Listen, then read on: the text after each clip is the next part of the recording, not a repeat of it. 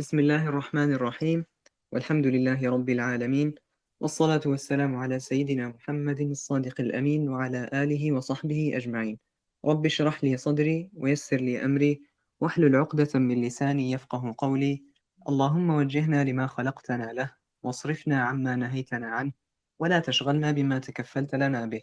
اللهم اجعلنا من جند الخير. دلنا عليك أرشدنا إليك فهمنا عنك علمنا منك وأعدنا من مضلات الفتن ما أحييتنا.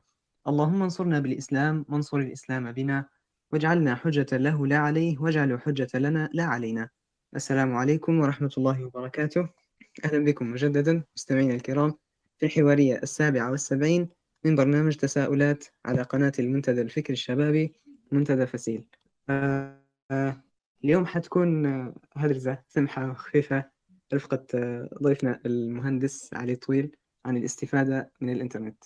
آه علي طويل آه مهندس برمجة وتحليل نظم صح؟ ومدون تقني آه صاحب آه مدونته الشخصية مدونة علي طويل. آه أهلا بك معنا اليوم. أهلا وسهلا بك. بارك الله فيك على الفرصة والتقديم. وإن شاء الله نكونوا مفيدين في الحلقة هذه إن شاء الله. الله يسلمك. كأن في صوت مطر غادي عندك ولا أنا متخيل؟ عندي آه، شتاء يعني ريح ومطر. إيه. تمام. آه خلينا نبدأ في عندنا إحنا سبع محاور باي آه لكن مرات يتداخل المحاور. إحنا نتكلموا مرات نتكلم على محورين في نفس الوقت فعادي المهم نكملوهم نعطوا كل واحد حقه بإذن الله. في المحور الأول حنتكلم على الاستفادة من محرك البحث جوجل. رغم أن الناس في بعض الناس يستخدموا في سفاري في من يستخدم في Bing بتاع مايكروسوفت وفي من يستخدم في DuckDuckGo على أساس آه، يحميهم من يحمي معلوماتهم الشخصية. لكن الغالبية العظمى يستخدموا في جوجل. آه، ف إيش رأيك في استخدام الناس لجوجل؟ وهل فيه طرق؟ أكيد هو فيه طرق إنهم يحسنوا البحث والاستخدام الصحيح له والله شوف هو محركات البحث آه، فيها منافسة. يعني آه، الشركات آه، مقدمت لك خدمة البحث في مواقع الإنترنت يعني هي راهي كان بتجي تشوف البنية التحتية اللي أنت محتاجها باش تصنع محرك بحث ويجيب لك النتيجة. فتصرف في مليارات ما هيش مش حنقولوا ملايين مليارات. آه، إحنا طبعا في بداية الإنترنت كنا نشوفه في موضوع محركات البحث إنها خدمة من الخدمات وخلاص ما نشوفوش في شنو وراها ما وراءها يعني علاش؟ زي خدمة آه، يعني محرك بحث ياهو محرك بحث بينج جوجل. في اللي بيحاول إنه مجرد يحط رجل في المجال هذا يعني يقول لك يعني موجود. وفي اللي الهدف الأساسي يكون هو إعلانات آه، تجميع بيانات. الكل توا حاليا يجمع في البيانات بلا استثناء ما فيش شركة على وجه كوكب الأرض حاليا ما تجمعش في بيانات المستخدمين وتستخدم فيها باش إنها هي تبيعها لاحقا يعني. ولكن الحقيقة يعني الحقيقة بالنسبة لمتصفح جوجل آه، يعني أثبت وجوده آه، يعني كلهم يحاولوا يعني لما حتى بتقارن آه، متصفح أو بحث محرك بحث يعني بتقارنه بجوجل خلاص هو المعيار بدا يعني. آه، لأنهم هم بصراحة أول ولا كلمة جوجل أصبحت مدرجة في القاموس الإنجليزي آه، بمعنى البحث باستخدام المحرك نفسه. محرك جوجل اول ما أنت تجي تفتحه حيعطيك المربع اللي أنت بتكتب فيه آه، ولكن الموضوع مش بالبساطة هذه مش ببساطة أنك أنت تكتب أي كلام. أحيانا أحيانا لازم تختار كلمات معينة تكتبها أحيانا أخرى في إشارات معينة تحطها في الكلمات هذه باش تعطيك أو آه، تعطيك القدرة إنك أنت تحدد فعلا المحتوى اللي أنت تبيه. مثلا علامة الزايد آه، علامتين التنصيص آه، علامة الزايد هذه تعطي إن لازم إن النتيجة اللي ندور فيها تكون موجودة فيها الكلمة هذه يعني نحط كلمة وندير زايد قبلها. نفس الشيء علامتين التنصيص مثلا نحطها قبل وبعد جملة أو كلمة فأنا نطلب المحرك يجيب لي النتيجة فيها الكلمة هذه تحديدا كما هي مكتوبة حتى لو لو بالحروف الإنجليزية ال capital وال small مثلا ف في عدة إش إشارات ممكن واحد يحطها في محرك البحث بحيث إنها تزيد تساعد أو تحدد من النتيجة سامعني أنس ولا؟ يبدو الباين عنده مشكلة أنس في الصوت ف لكن حنسمع فيك واضح هذا مهندس علي. إيه أنا صوتي واضح صار. okay تمام. أنا خفت إن الريح مثلا ولا الأحوال الجوية دايرك لي مشكلة. لا لا هو تو أنس كان ما قدرش يشارك معنا أنا حنكمل الحوار معك. فخليك إيه، استمر استمر. بكلة آه خلاص. بس مهندس تقدر تكمل أيوه. يعني تكمل okay تمام تمام. فمحرك البحث آه، آه، أنت بتشوف اولا محركات البحث هذه كيف تشتغل أصلا؟ هي أصلا على أي أساس لما أنت تكتب آه، على سبيل المثال يعني بنجي نكتب المنتدى الفكري الشبابي مثلا في محرك البحث وبنشوف النتائج اللي بتطلع لي على أي أساس محرك البحث حيجيب لي النتائج هي؟ علاش بيجيب لي النتيجة هذه هي الأولى ويجيب لي هذيك الثانية وهذيك الثالثة؟ في خوارزميات معينة يستعمل فيها محرك بحث جوجل أثبتت نجاحها يعني حتى في البحث عن الصور مثلا آه، في حتى memes ينزلوا فيها آه، البعض اللي يقارنوا بين نتيجة آه، محرك بحث جوجل ونتيجة محرك بحث بينج مثلا بحيث أن تبين لك أن الشركات الثانية ما زال ما وصلتش لل للنضج خلينا نقول التقني اللي موجود عند محرك بحث جوجل. آه، ف واحدة من الحاجات آه، يعني الواحد مفروض يتعلمها في البحث إنه مش مجرد يكتب أي كلمة يتعلم الأدوات هذه زي علامة الزايد علامة الناقص مثلا نتيجة البحث ما نبيش فيها آه، كلمة الشبابي. فنكتب كلمة الشبابي مسبوقة بعلامة ناقص. فمش حيجيب لي أي نتيجة موجود فيها الكلمة هي اللي نبي علامة الناقص قبلها. وهكذا يعني. الحاجات هي ممكن حتى هي يعني الاشارات والطرق هلبة يعني مش حنقدر نسردها توا بالكامل ولكن آه هي مجرد آه مدخل إن الواحد بعد ما تكمل الحوارية هذه إن شاء الله يمشي يفتح جوجل ويبحث على الحاجات هي البحث المتقدم في جوجل مثلا أو advanced search أو جوجل advanced search مثلا هذه واحدة من الحاجات اللي ممكن واحد يدور عليها. فحتلقوا مقالات ومواقع يعني تشرح الموضوع. هو بالإضافة إلى هو نفسه جوجل موجود فيه يعني موجودة فيه صفحة لو واحد يبي يكتبها جوجل advanced search حتطلع له اول نتيجة يعطيك المربعات اللي وقدامها شرح مثلا المربع هذا اكتب فيه الكلمات كلها اللي أنت تدور عليها. المربع الثاني يقول لك اكتب لي فيه الكلمة اللي تبيها حرفيا موجودة في نتيجة البحث بتاعك آه مثلا آه أرقام من إلى آه اللغة مثلا حتى المكان الجغرافي. أنت تبي مثلا نتيجة تجيك من جهة جغرافية معينة واحدة بس يعني مش تجيك من من أي موقع. تبي مثلا التاريخ متاعها إمتى النتيجة. يعني نبي مثلا ندور على خبر طالع تو هيك في أسبوع فات.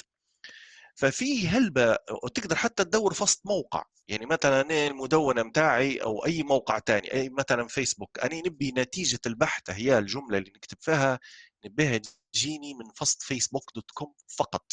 ما نبيش أي نتيجة تانية يجيبها لي. فالبحث المتقدم هو بصراحة يعني قوي جدا في جوجل والنتائج متاعها آه، دقيقة. يعني ممكن تلقوها في مثلا محركات بحث أخرى لكن بصراحة اللي موجودة في جوجل آه، نتيجتها دقيقة جدا. يعني فعلا قريب كان يفهم يفهم شنو بالضبط اللي أنا نبي مش يجيب لي نتائج عشوائية وخلاص يعني. آه، ف إيه. فهذه واحدة من الحاجات يعني خلينا نقولوا مهارات مهارات البحث في جوجل. راهو في ناس ينكتوا حتى بها. يعني مرة يقول لك واحد كتبها في في السيرة المهنية متاعها السيرة الذاتية أو خلينا نقولوا ال CV متاعها حاط فيه انني أني نعرف كيف نستعمل جوجل. وفي حتى memes يعني يقولوا فيها جماعة التقنية يقول لك أنا راو ما نفهمش في الكمبيوتر أنا نعرف نستعمل جوجل بس.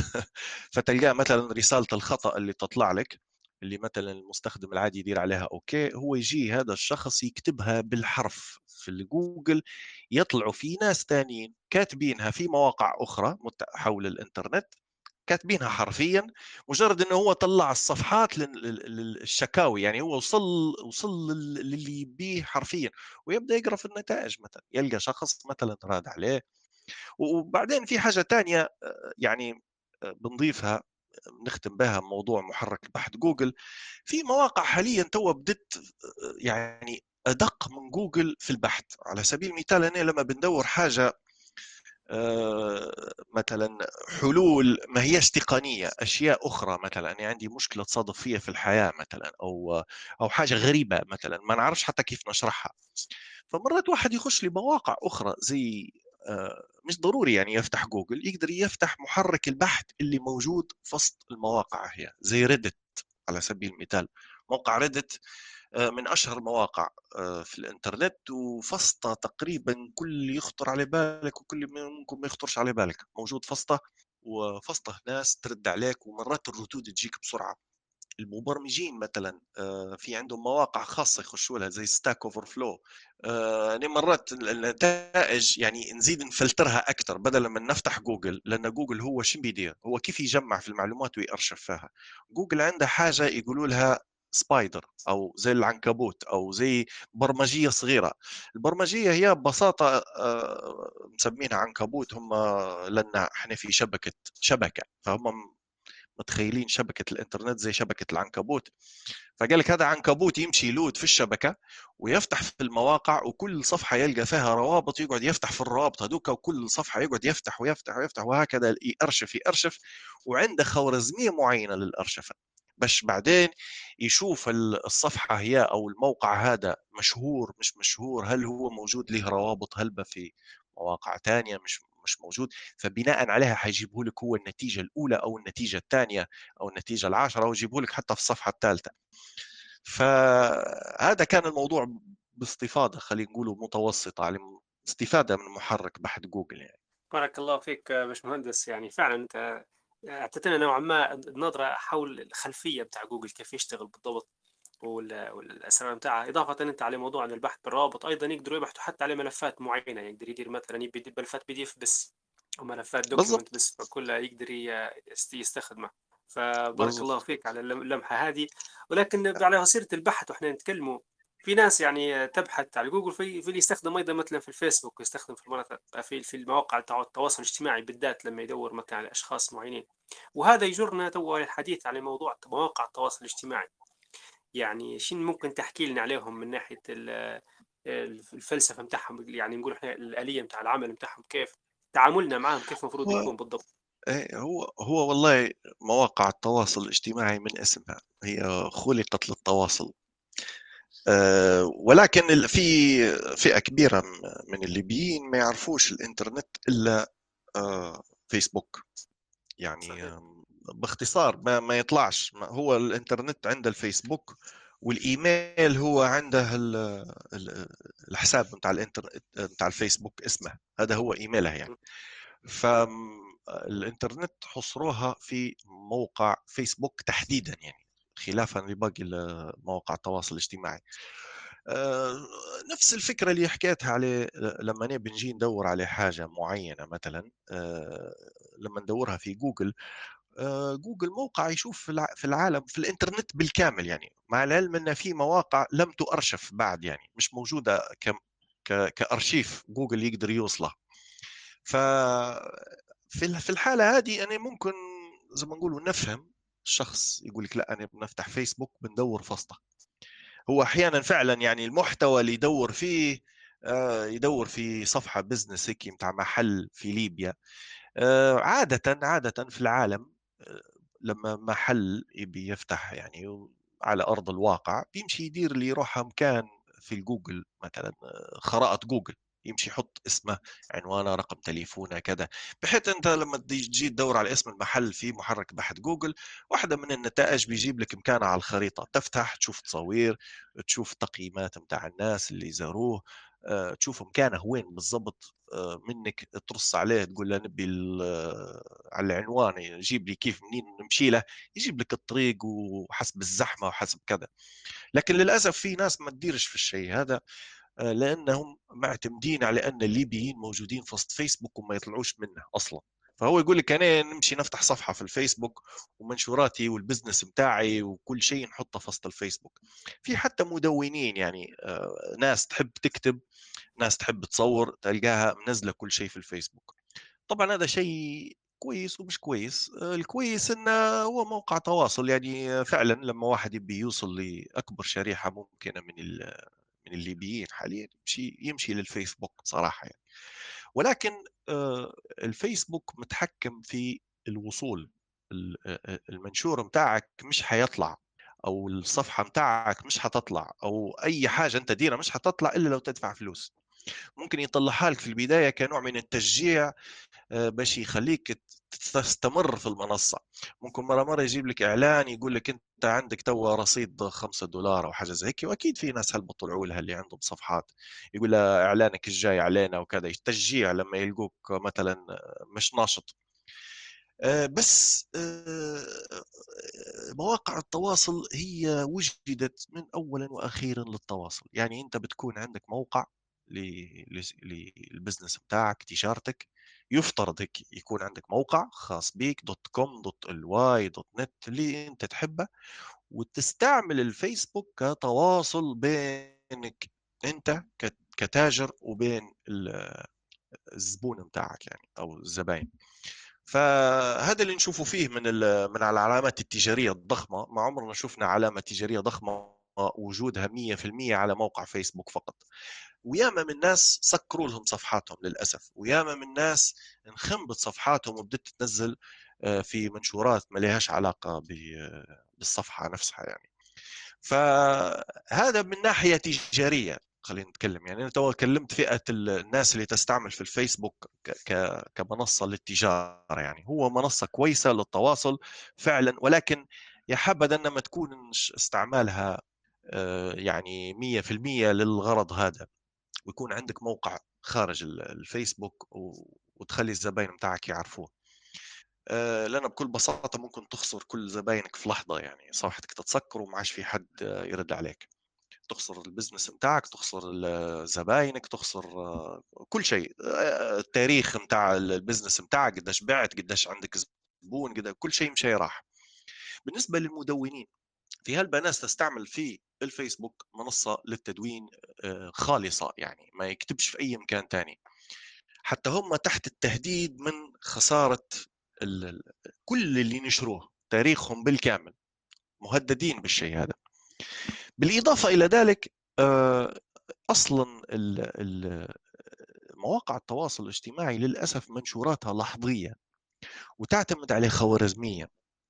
ف يعني أنت لما تجي تكتب حاجة آه، منشور في صفحتك راهو وعندك مثلا نقولوا ألف متابع راهو مش معناها إن الألف متابع حيشوف المنشور بتاعك في خوارزمية معينة قاعدة تشتغل الخوارزمية هذه طبعا مقال كبير طويل عريض أنا كاتبة اسمه مستقبل البشرية يقلقني لأن فعلا آه، في حاجات تشتغل في وراء الكواليس زي ما يقولوا هي اللي تحدد المنشور هذا يطلع لك ولا ما يطلع لكش. وأمتى يطلع لك؟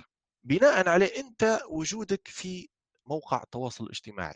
وخشوا توا شوية في موضوع اللي كنا زمان يعني نوصفوا فيه بأنه خيال ووهم و... وإن لا لا مكبر الموضوع. يعني أنت وأنت عايش نظرية مؤامرة ومني أنت. لا. وفعلا قال لي الكلام هو يعني ممكن في 2012 2013 2000 قعدت نتكلم على مواضيع تجسس وخوارزمي والجوجل وكلام زي هذا لكن ما كانش في دلائل كبيرة. تو حاليا تقريبا بدينا نأكدوا فيها إحنا إن والله أنا اليوم نتكلم على ماكينة القهوة ثاني يوم فيسبوك بدأ يطلع لي في إعلانات بتاع ماكينة قهوه يعني خلاص الموضوع هذا ما عادش محتاج إني أصلا حتى ندويه يعني هذا بدينا نشوفه فيه من أصدقائنا ومن ناس ما هماش حتى خبراء في الموضوع هذا باش نقولوا آه هذا شكله غير عايش ديما digital digital بدأ الموضوع يضرب له في راسه ولا حاجة. فالموضوع هذا تشوفوا فيه. هذا كيف يصير قاعد؟ في عندي أصدقاء على سبيل المثال يقولوا لي آه، يجي يعلق لي مثلا تعليق نقول له عليه مثلا منشور جاي علق عليه هو تعليق سلبي فنقول له والله ما نشوفش فيك أنا إلا في المنشورات هي. خيرك ما تطلعش في المنشورات الثانية. يقول لي أنت اكتب وإحنا تو ما نقولوا نعلقوا لك. فنقول له خش على صفحتي وشوف. أنا نكتب على هادي ونكتب عليه هادي. لكن هو ما شافهاش الحاجة الثانية بسبب أن الخوارزمية مدايرة فقاعة. فقاعة تحبس في كل واحد فينا. إحنا قاعدين وسط فقاعات والفقاعة هذه إحنا والناس اللي نفس مزاجنا نفس الجو متاعنا نفس الصفحات اللي نحبوها نفس المنشورات اللي نعلقوا عليها نفس الأشخاص المتابعين. لأن الغرض من منصات التواصل الاجتماعي إن هي تخليك آه، يعني تبيك تكون موجود على المنصة ما تطلعش منها. علاش؟ باش تشوف إعلانات. لأنهم هم قاعدين يخلصوا من الإعلانات اللي تطلع لك. فهم من مصلحتهم رقم واحد إن أنت ما تطلعش منها المنصة هي. ما كيف نخليك ما تطلعش؟ نحببك فيها. ما كيف بنحببك فيها؟ أه والله أه نجيب لك الحاجات اللي أنت تحبها. إيش معناها؟ معناها لو أنت في معلومة أو منتج أو شيء أنت تحبه أو مرتاح له أنا حنجيبه لك. ما عادش نجيب لك إلا هو. ونجيب لك الناس اللي زيك نخليهم حتى هم بحدك ونجيبهم لك كأصدقاء مقترحين ونجيبهم لك المنشورات نتاعهم هم نفسهم لما يعلقوا على صفحات نبدأ نجيب لك في منشوراتهم نطلعه لك تعليقاتهم نخليك تطلع لك. باش أنت تخش وتضيف تضيفه وهو يضيفك. والمشكلة هنا وين؟ طبعا هذه كلها الكلام اللي قلته ما هوش استنتاجات هذه حقائق. تمام؟ أثبتت اي حقائق يعني مش مش استنتاجاتي أو كلام. المصيبة وين تو؟ المصيبة هذه اللي تو مش حيقولها لك حد. المصيبة إن الفقاعة هذه أو يقولوا لها ال filter bubble أو فقاعة الفلتر أو حاجة زي filter bubble هي. في عليها ناس متكلمة من 2007 يعني الموضوع ما هوش تو موجود يعني. آه، مصيبتها إنها تأصل الخطأ.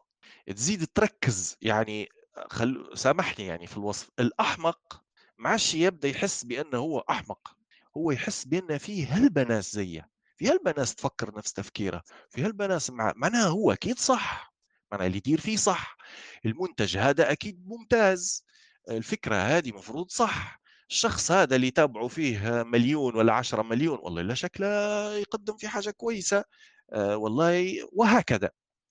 المنصة مش حتجيب لك تفنيد آه، أو مش حتجيب لك الفكرة الصحيحة. مش حتجيب لك هذا صح. حتقعد ديما تجيب لك الحاجة اللي أنت معتقد بها وتحبها ومرتاح لها. ما تبيش تضايقك الخوارزميه فهذه واحدة من مصايب المو... المواقع التواصل الاجتماعي حاليا. أه نحاول اننا نستعمل منصة التواصل الاجتماعي باش اننا نوصل المعلومة هذه. ومع هذا ما زال عندي موقع خاص بي ننشر فيه في الأشياء اللي أعتقد انها هي آه، نباها تقعد يعني. والحاجات اللي مثلا ما نخافش إنها تضيع عادي يعني نكتبها. أو حاجة مثلا نعرفها هي معلومة لحظية أو تعليق عن خبر.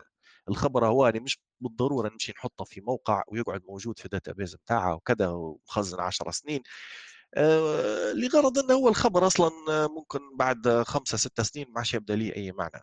فانا عندي آه، كيف نميز بناء على المعلومة هذه اننا آه، نحاول آه، مواقع التواصل آه، نستعملها فعلا للتواصل مش لكسب المادي أو مثلا لغراض أخرى مثلا بس زي ما تكلمنا على جوجل زي ما نتكلم على مواقع التواصل الاجتماعي لما إحنا نفهموا هي كيف تشتغل الحاجة هي حنعرفوا كيف نتعاملوا معها وكيف تشتغل يعني ما هوش موضوع زي ما نقولوا معقد وتقراه في الجامعة أو تمشي تاخذ فيه كورس لا مجرد إنك أنت تبحث وتسمع لناس وتشوف آراء وتجرب. يعني في منشورات نقعد أنا ننزل في منشورات مرات سامحني يعني تكون غبية ننزل فيها عمدا نبي نشوف التفاعل عليها كيف يصير وبعدها بثانيه بس ننزل منشور ثاني ونشوف الخوارزمية كيف تشتغل يعني. هذه أي أي حد يقدر يجربها بنفسه يعني ويشوف نتيجتها يعني.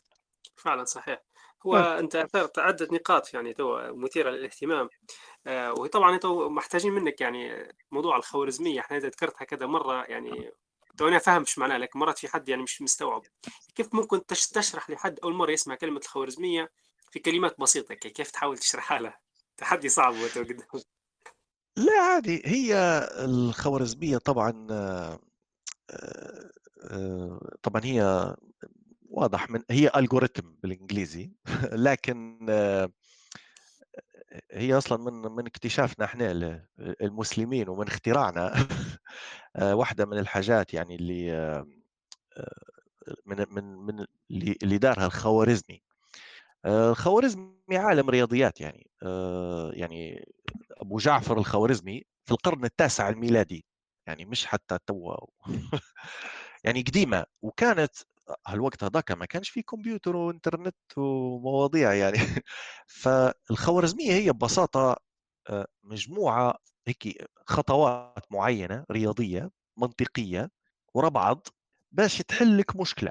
آآ يعني ما هياش 1 زائد 1 تساوي 2 لكن مجموعة من آآ لو 1 زائد 1 تساوي 2 و2 زائد 2 زائد 4 والزوز هما مع بعضهم اتفقوا إنهم يساووا آآ نعم يعني الزوز صح، إذًا دير كذا، لو واحدة صح وواحدة خطأ إذًا آآ دير كذا، ففيها تشعُّبات، يعني فالخوارزمية مثلًا على سبيل المثال آآ واحد يفتح في الفيسبوك كل يوم آه، في برمجية هيك تشتغل في في يعني من ضمن الكود بتاع التطبيق. لو إن مثلًا أنا نفتح في في التطبيق كل يوم الساعة 07:00 آآ تسجلت علي أني أمتى نفتح في التطبيق، نفتح فيه الساعة 07:00 س تاني يوم فتحته 07:05 دقايق، ثالث يوم فتحته 07:05 مت أوكي، معناها هو يفتح فيها ديما الساعة 07:00 ال التطبيق، خلاص أنا حنجيب له آآ المنشورات في الوقت هذاك.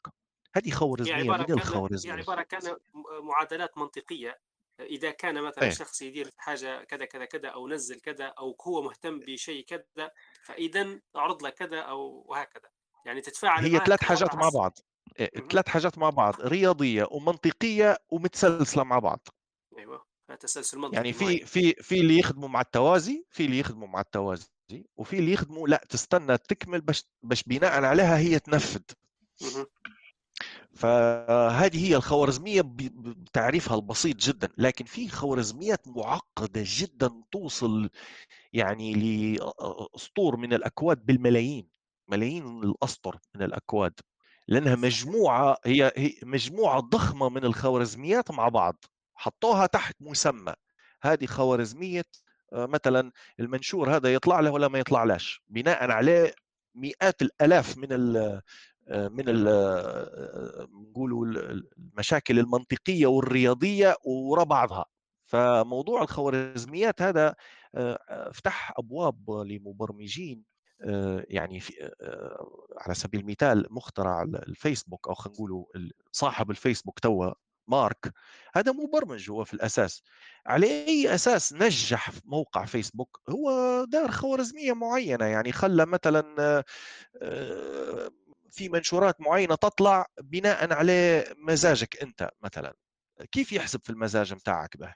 من ضمن خوارزميته مطلوب في حاجة هذا مزاجه شني، هو يجي يدير مثلًا 6، 7 أنواع من المزاجات هو يبي يحسبها مثلًا، آآ okay لو هو مثلًا آه، د ما يديرش يدير في like هلبة على المنشورات، هذا إنسان تصنيفه 1 رقم 1 زي ما نقولوا، شخص ديما يخش يعلّق في اليوم يكتب في 30، 40 تعليق، هذا شخص مزاجه تصنيفه رقم 2 بما معناه يعني الخوارزمية تعتمد على شخصيتك حاليًا بتاع شبكات التواصل الاجتماعي، كيف إنها هي تبي يعني حتى لو أنت خاش باسم مخالف لاسمك وحاط صورة تانية وحاط رقم تليفون ما ليش علاقة، راهو أنت في ملف مفتوح ليك، والملف هذا فيه حاجات عن نفسك أنت نفسك لا تعرفها، يعني في طبع، في مزاجات، في أشياء ال قاعدة تُقاس يوميًا، يعني حتى المنشور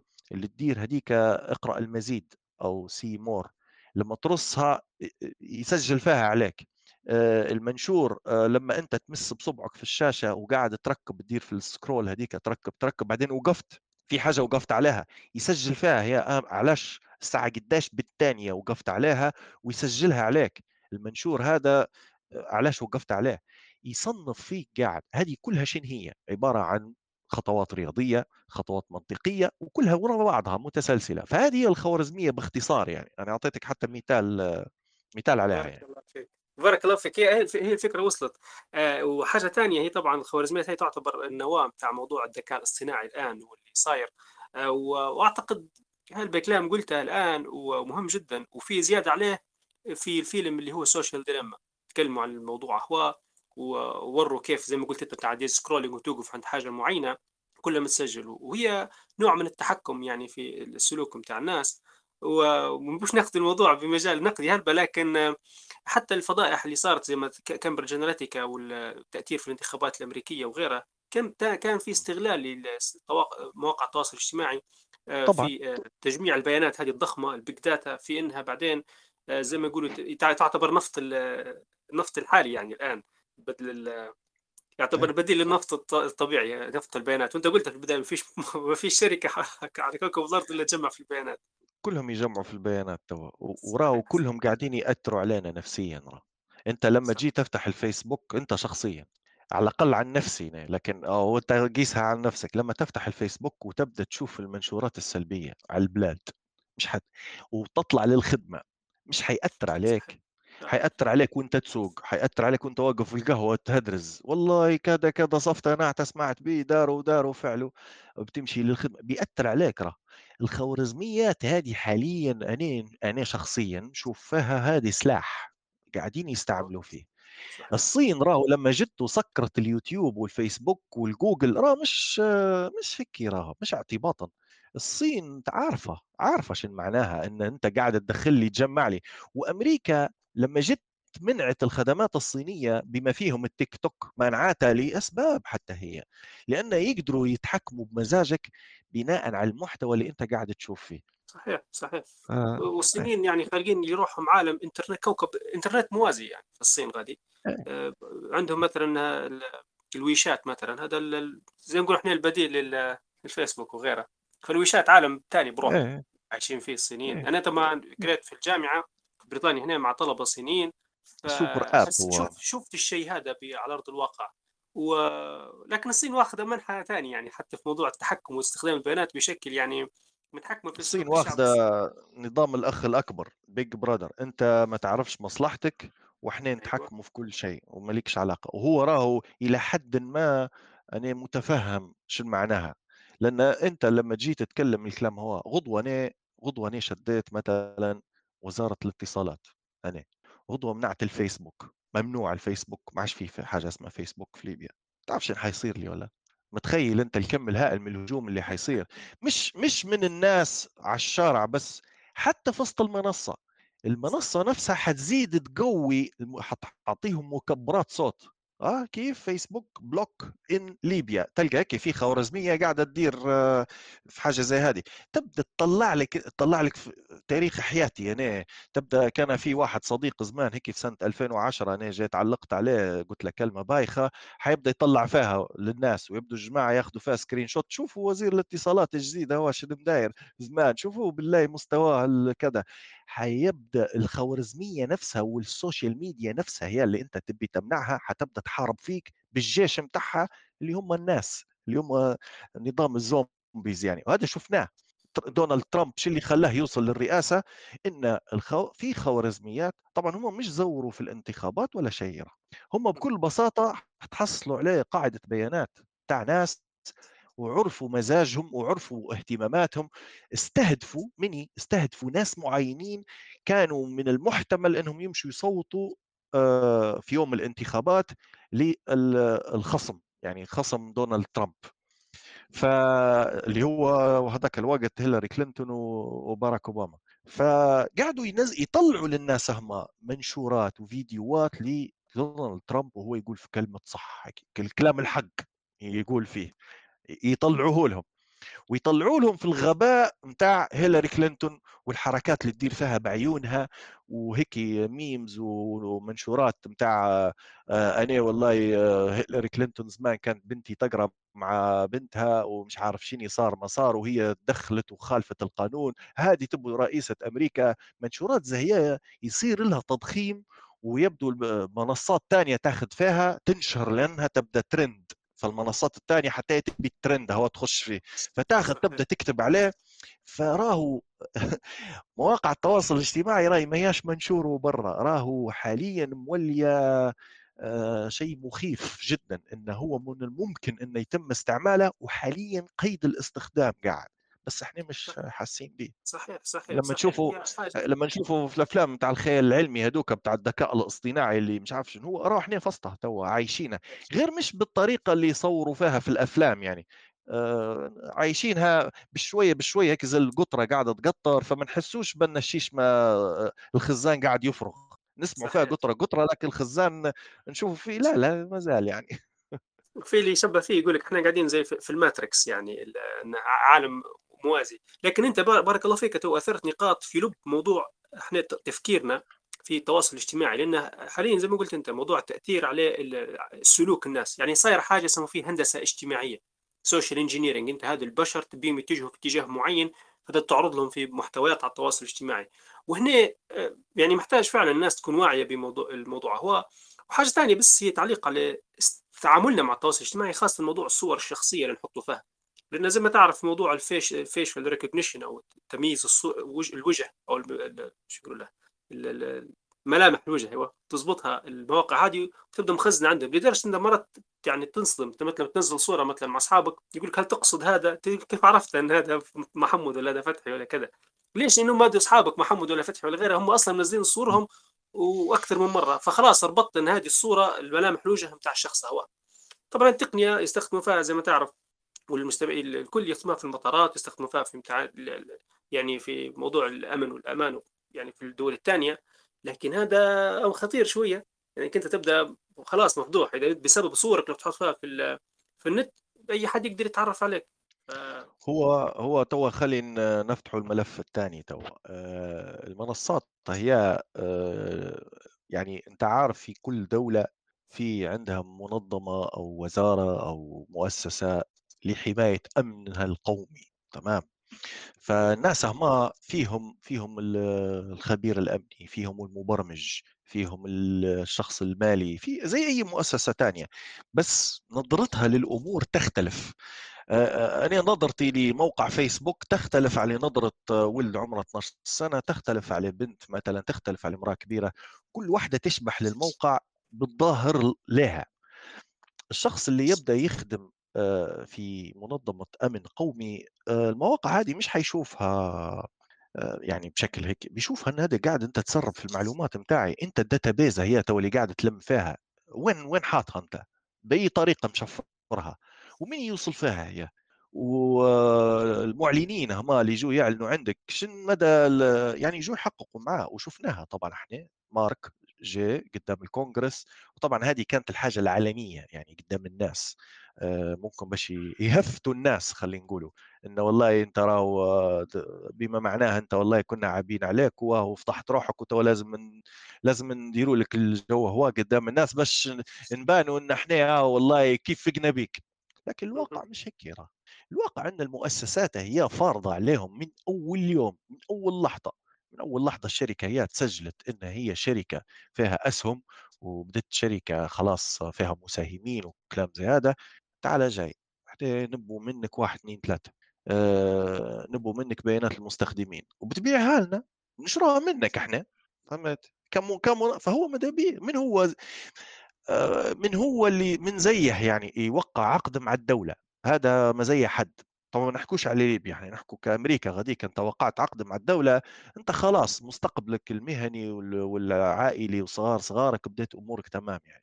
فهو لما يوقع معهم واحدة من الحاجات ال face recognition هي آه، أعطينا ال database آه، ويخليك أنت تساهم. يعني أنا زمان كانت تنزل group photos يعني مصورين هيك في العمل مثلا واحد من زملاء العمل أنا خشيت في موقع فيسبوك من 2007 فخشيت فيه بسبب آه، إن فيه هيك زملاء عمل أجانب كنت نشتغل في شركات أجنبية فبدوا يسافروا يجي ثلاثة شهور شه- أربع شهور ويرجع ما عادش نشوفوه. فنبوا مكان تواصل زمان يعني الإيميل ما كانش منتديات حتى هي ما كانش. فلما طلع موقع الفيسبوك وبدأ بابليك حصلت فيه وبدينا ننزله يعني شن صاير عندنا وشن صاير عندهم. فمتى ناخذه هيك صورة جماعية واحد يحطها فيجي هو الشخص يدير تاج يدير وسم للوجوه بروحها تلقائيا يجي يقول له هذا علي هذا عبد الرحمن. فهمت ففي ففي خوارزمية ممكن تقول لا أنا مش حناخذ كلام هذا الشخص عمياني هذا علي معناه هذا علي بالك غلط هو بالك دار كليك بالغلط.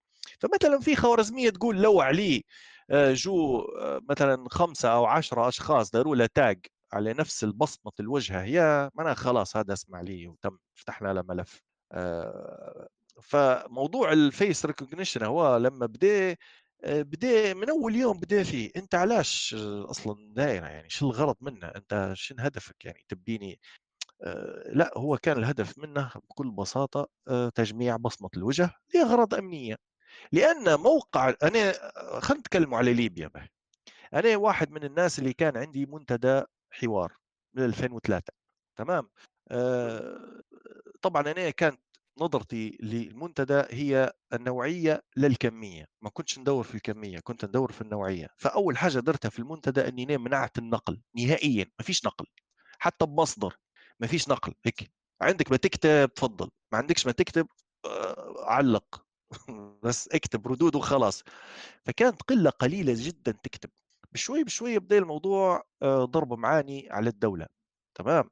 فمثلا مرات في ناس تضرب في معاني على الدولة في منتديات تانية لكن بسبب الزحمة اللي صايرة غاديك والدوشه فتضيع في وسط الزحمة.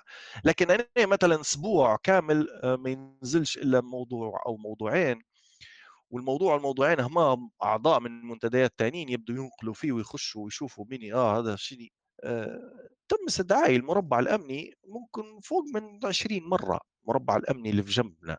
تاع باب بن غشير آه أكثر من 20 مرة وكلها تسأل فيا أعطيني رقم ال IP بتاعها هذا من هو؟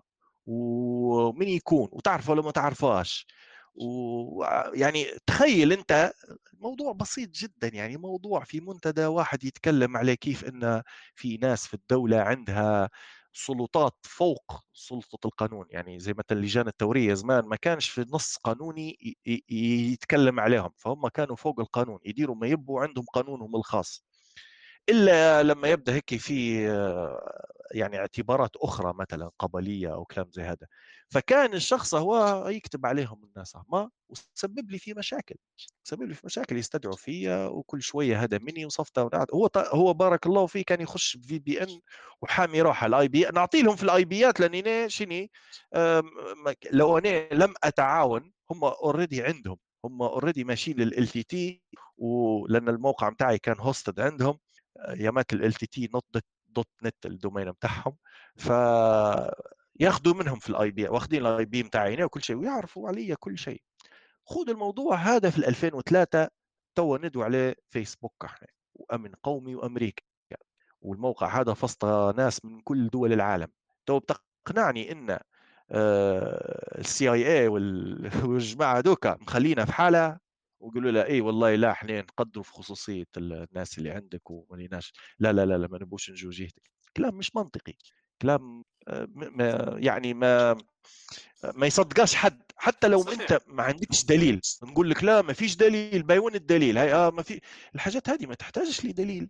هم أصلا آه، أول ما يطلع دليل ففشلت العملية بتاعهم أصلا أساس القصة كلها إن إحنا لا ما دخلناش وإحنا دولة القانون ونحن دولة الحريات ونحن نحترم ونحترم. آه حتى جبناه قدام الكونغرس وسألناه. لكن هو فعليا اللي صاير ما وراء الكواليس أني شفته بعيني هنا في ليبيا. فتخيل عاد آه، يعني ومنتدى ومنتدى تخيل أنت في ناس قاعدة تكتب وناس يبوا يجيبوها. أنت عندك ناس هنا في الدولة حاليا قاعدين يفتحوا في جروبات على الفيسبوك ويستعملوا في الماسنجر. قاعدين يستعملوا في الواتساب يا رجل. الواتساب اللي هو مملوك بالكامل. واتساب دافعين فيه مش عارف 19 مليار ولا كذا. هيك على خاطر لونها الأخضر عجبهم مثلا ولا على خاطر القاعدة الجماهيرية اللي فسطة وعلى خاطر انه آه، هنا أنا من داير منشور من يومين أو آمس ممكن آه، تسربت بيانات آه، مستخدمين واتساب. ليبيا بس 4 4 مليون و200 ألف. يعني شنو فضل قداش فضل ليبي يعني ما عندهمش توا رقم تليفونه. قصدك يعني قصدك الواتساب لقوا فيهم 4 مليون ليبي ولا هيك؟ الأرقام القاعدة واحد جاي هيك في الدارك ويب بيبيع في قاعدة بيانات ل 500 مليون مستخدم على واتساب. يعني نص مليار. أرقام تليفونات هو قال طبعا. هذا شخص سرب خنبهم سرقة. هذا شخص خارج الواتساب وسرق ال 500 مليون. من ضمنهم مصنفهم بالدول من ضمنهم 4 مليون و200 ألف رقم تليفون ليبي. الدولة فتح... في الواتساب. تمام. معناها تو انت شوف ديما ديما المواضيع شوفوها من أكثر من زاوية. ما تشوفش من ما تشوفش الخبر وتقعمز وتقول إيه والله كذا والله مهتوكة والله مش عارف. لا. أفتح اركز شوية وشوف الطرف الآخر تو. اذا واتساب شنو عندها علينا تو؟ واحدة من فضائح تسريب معلومات الأناليتيكا نتاع دونالد ترامب. شن كانت؟ كانت إن في آه، شركات طرف ثالث يعني شركة لا هي واتساب آه، ولا هي انت ولا هي حتى فيسبوك يعني آه، وصلوها مقاطع صوتية لمستخدمين من واتساب. فيسبوك شن ردت؟ قالت لا إحنا هادو المقاطع الصوتية عاطينهم لشركة باش تدير ترانسكريبت أو ترانسكرايب أو تحول الصوت إلى نص. فإحنا عندنا ذكاء اصطناعي كان بروحه يخدم فإحنا جبنا البشر, البشر هذا باش يسمع النص هو بروحه بودنه ويقرأه يتأكد إنه فعلا آه، صح باش إحنا نتأكدوا إن الذكاء الاصطناعي متاعنا آه، اموره تمام يعني فعلا. لجماعه ذوي الاحتياجات الخاصة اللي عندهم نظر ضعيف مثلا آه، جاه مقطع صوتي كيف بيدير؟ ففي عندها يعني خدمة تحول الصوت إلى مثلا كتابة أو أو مثلا ما يسمعش مثلا آه، أنا آسف قلت نظرة ضعيف قصدي سمعة ضعيف يعني ما يسمعش كويس. فشين يصير؟ الصوت هذا تحوله إلى آه، كلمات مقروءة يقدر يقراها. تو هنا الخبر تمام لكن يا صديقي مش قالوا الواتساب لما أنت تجي تفتح message مع أي واحد يقول لك هذه ال message كلها مشفرة تطلع لك ال message هيك يقول لك هذا راهو الشات أو الدردشة هذه مشفرة. بكيف أنت بكيف أنت حصلتها يا مدير شركة واتساب أو فيسبوك؟ كيف حصلتها أنت؟ ببساطة لأن مفتاح التشفير مش عندك أنت بس موجود حتى عندهم. يعني هي مشفرة صح؟ كلامهم صح هي تمشي مشفرة لكن هو عنده المفتاح وأنت عندك المفتاح والطرف الثاني حتى هو عنده المفتاح. ففي خدمات أخرى للدردشة مشفرة المفتاح عندك أنت في تليفونك ما يطلعش منه زي ال Signal مثلا. هذه حتى لو ال message تم اعتراضها ما فيش حد حيحصلها. فهذه واحدة من الأشياء اللي آه، خلينا نقولوا آه، إحنا تشعبنا هلبة تو إيه، لأن الموضوع بجديات راهو ليه بداية ما ليش نهاية هو راه موضوع فعلا. لكن كله يصب في موضوع التواصل الاجتماعي راهو ما أنت لما تتواصل فعليا أنت آه، قاعد تختار في معلوماتك لمن قاعد تسلم فيها باختصارك فيش حاجة. اسمها. بارك الله فيك. هو شوف إحنا توا باش نخدم موضوع التواصل الاجتماعي وندمجوا معاه محور هو موضوع حماية بياناتنا أو حساباتنا من مصاصي البيانات وإحنا أشرنا لبعض المفاتيح يعني فهم الموضوع هو. انت ذكرت حاجة اللي هي موضوع ال IP. هذه كمفهوم كمعلومة المفروض المستمع والناس تكونوا عارفه إيش معناها كلمة IP لأن هذا في لب موضوعنا فنتكلم إحنا على موضوع حماية بياناتنا. ال IP يصلح لي لو أنا غلط اللي هي زي ما نقول إحنا الرقم الوطني زي ما أنتم عندكم رقم وطني خاص بكم أو شفرة أو بصمة تخليكم انت مميز على أي حد ثاني فكل جهاز كمبيوتر كل تليفون كل تابلت كل جهاز يعني هيك يخش على الإنترنت عنده ال IP هذا رقم خاص. فهذا لما أنت تخش لمو... أي موقع تتصفحه ولا أي برنامج ولا أي مواقع تواصل اجتماعي الإدارة بتاع الموقع هذاك ياخذ تسجل عنده إنك أنت في كمبيوتر الرقم ال IP بتاعه كذا زارني وتفاعل وعلق ودار وحط ومشي مشي مشي هذا هو IP شوف إيه هو صح لكن هو بصراحة هذا ممكن في الثمانينات كان من الممكن إنه يكون صحيح اننا نقدر نضبط الشخص عن طريق ال IP address بتاعه. لكن تو حاليا آه على سبيل المثال أنا في IP address داخلي في IP address خارجي في المزود خدمة الإنترنت عنده IP حتى هو. ففي عدة طبقات موضوع ال IP هذا بدا غير غير مفيد مش مفيد. تتفكر لما اتكلم لما حكينا عليه إن حتى لو خشيت باسمك آه، مستعار ورقم تليفون مش ليك وصورة مش ليك قاعد الموقع يعرفك أنت مين هو فاتح لك ملف بس مش كاتب فيه عبد الرحمن. كاتب فيه مثلا آه، رقم عشوائي هيك. صارف لك رقم. عندك ملف profile ID عندك هيك. المواقع هي عندها profile ID عليك. حكاية إن هي بعدين تربطها ب IP address وكذا هذه ممكن تصير. لو أنت مثلا حساب ال social media بتاعك فتحته في تليفونك أنت ديما تفتح في الكمبيوتر ومحطات والكمبيوتر هو ما تخشش منه إلا من مكان معين وكذا بعدين غلطت مرة فتحتها من تليفونك. خلاص رقم تليفونك مع الرقم الجهاز نفسه ال IMEI code اللي هو ما يتغيرش هذا كل جهاز عنده رقم خاص به. يرتفع مع بعضه يرتبط مثلا يمشي يمشي مع بعض. فهم موضوع مثلا شركة أبل لما جت سكرت على شركة فيسبوك وسكرت على هلبة شركات إنها هي تستعمل منصتها في الإعلان وسببت خسائر بالملايين لفيسبوك مش حبا في المستخدم وخوفا على خصوصيته لأ هي مجرد تبي تمنع صفحه تبي تمنع فيسبوك إنها تلم بيانات ال iOS والأندرويد والجوجل. والفيسبوك وكل موقع تفتحه موجود فوسطه آه، مثلا إضافة هيك بتاع فيسبوك. أي موقع تفتحه موجود فيه مثلا مربع هيك فوق بتاع فيسبوك حيلم عليك بيانات فيسبوك يعرفك وين ماشي وين جاي شنو الألعاب اللي تلعب فيها التطبيقات اللي منازلة في تليفونك لأنك أنت منزل فيسبوك وعاطيه سماحية يشوف الحاجات هي. ففي أشياء كبيرة جدا أضخم من حكاية ال IP address ال IP address كان ممكن في يوم من الأيام تمام لكن توا ال big data هي علاش قلت لك ما فيش شركة حول العالم ما تلمش في البيانات؟ بسبب إنهم هم باش بعدين يديروا ربط. طبعا ما فيش شخص مقعمز يراجع ويشوف خوارزمية حتى هي. مجرد هيك حاجات تشابهت هذه مع هذه يجيبوه ممكن بعدين في آخر خطوة من الخطوات يجي شخص يراجع يراجع دقة الخوارزمية هي يجي يشوفها هنا ويشوفها هنا يقول إيه صح هذا زوز نفس الشخص. فحكاية إنك أنت تبي تحمي كيف تبي تحمي حسابك؟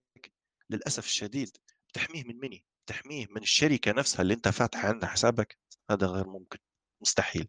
تبي تحمي حسابك من أشخاص آخرين زيني وزيك زي الشخص هو اللي خش اخترق موقع آه، واتساب وخنب منه ال 500 مليون رقم تليفون هذا كيف تحمي نفسك أنت؟ أنت مثلا ما تستجيبش لأي شخص يكلمك يقول لك أنا محمد أو عبد الله أو عبد الرحمن وحتى ولو كان من رقمه. تشوف رقمه هو نفسه هيك وطالب منك هل صارت الجماعه في الفيسبوك؟ يكلموا فيه من الماسنجر بالله عليك. يجيك حسابي أنا أنا حساب عليه أنا اللي بيني وبينك فيه تدريز يعني في الماسنجر يجيك بالله عليك آه والله عالق هيك وصاير لي موضوع ونبي كرت 30 ليبيانا بالله عليك أنا كيف تبعته لي تو؟ طبعا صاحبك تبعت له.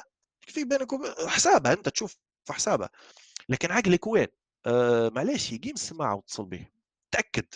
هذه واحدة من الحاجات حتى لو جاك إيميل مثلا جاك إيميل من الجوجل نفسهم. يقول لك الجوجل انه راهو آه، دير click راهو اسمع حسابك حيتسكر الليلة كان ما درتش click على ال link هو وحددت البيانات بتاعك هذه هجوم تصيد إلكتروني.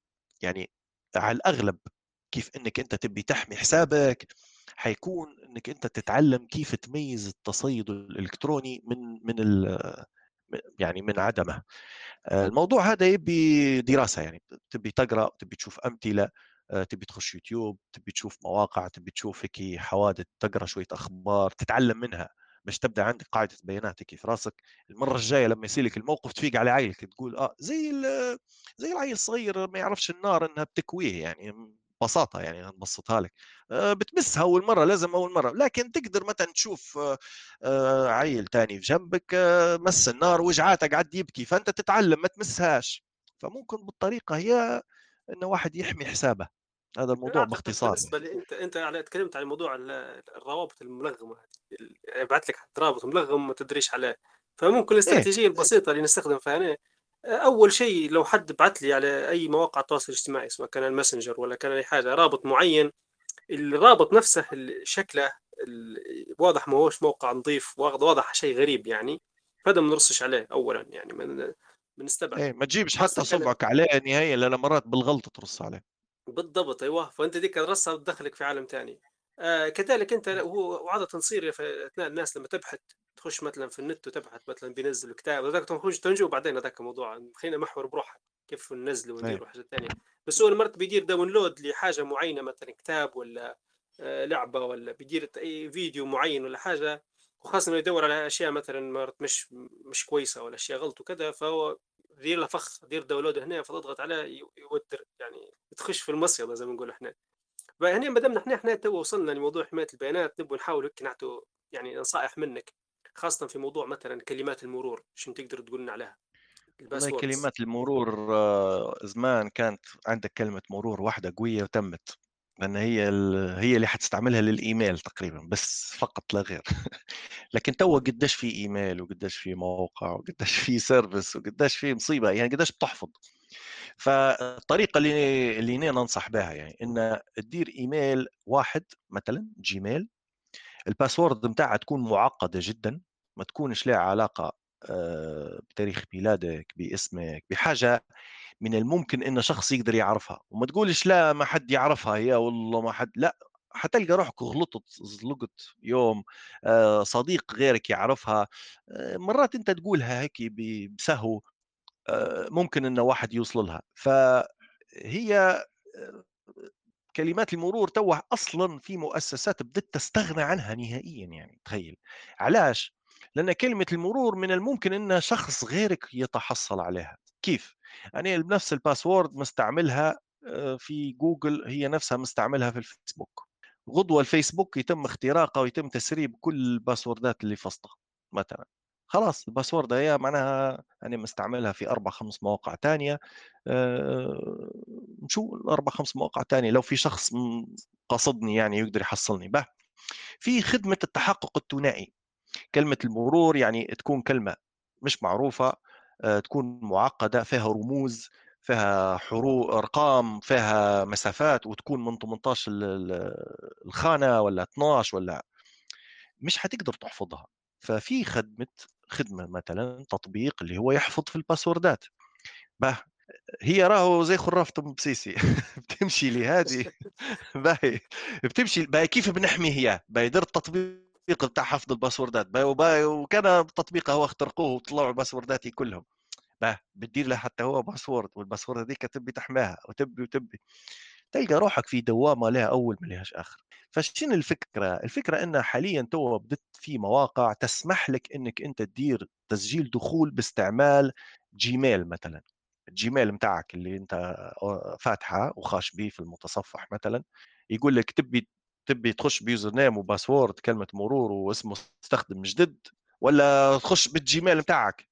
فالجيميل يقول لك okay يمشي يكلم الجيميل يقول له هذا علي يقول له إيه هذا علي باي هو يبي يخش عندي تسمح له يطلع لك مس... رسالة. الموقع هذا يبي يستعمل بي...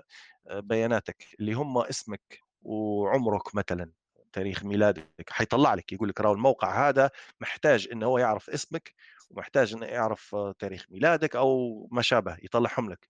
تسمح له أنت تقول له okay. ياخذ البيانات هذه وتخش للموقع هو بدون ما تدخل كلمة مرور جديدة هاي واحدة ونقصت. يقعد لك موضوع الجيميل. الجيميل هذا تحميه بتحقق ثنائي.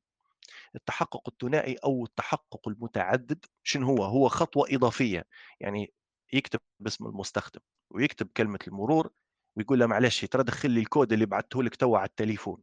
لو أنت مختار رقم التليفون إنه يكون الخطوة الثانية التحقق الثنائي. هذه جت منين جت هي تحقق ثنائي؟ إن اسمك والاسم المستخدم والكلمة المرور هذا التحقق الأول. ففي تحقق ثنائي إن لا معلش في حاجة ثانية ما زال بها منك. وفي منصات راهو تاخذ حتى في ثلاثة وأربعة. هذا ليش يقول لك تحقق متعدد.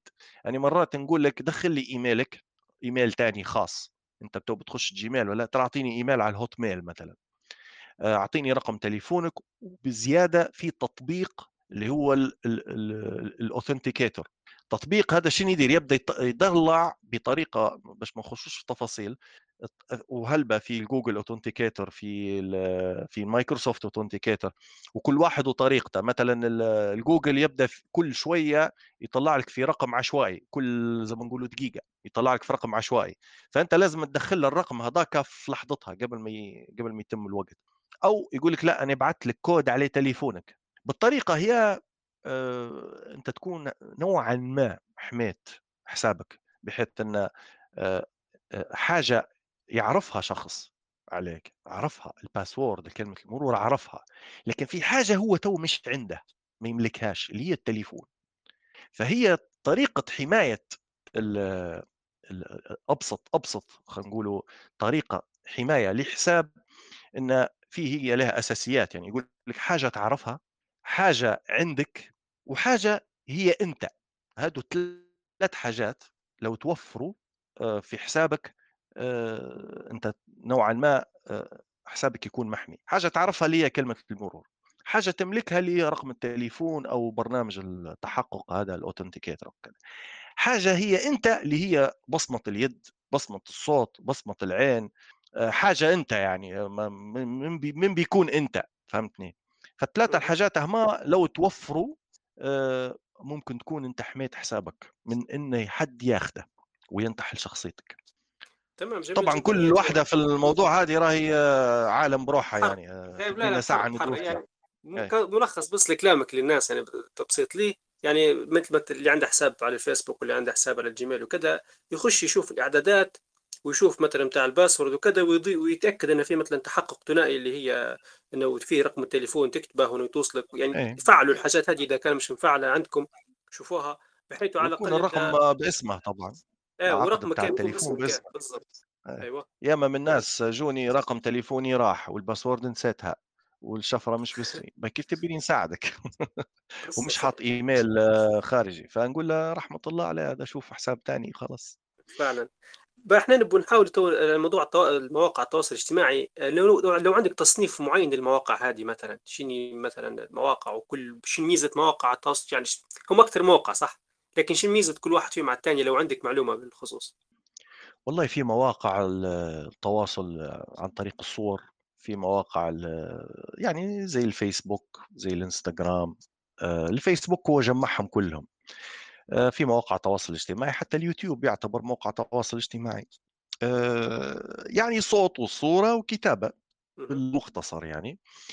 آآ لكن أغلبها زي ما قُلت لك محركات البحث يعني الم المن ال ال المنشورات اللي أو المحتوى اللي يتم إنشائه في مواقع التواصل الاجتماعي ما يتمش أرشفته بشكل كويس. في محركات البحث. فمواقع التواصل.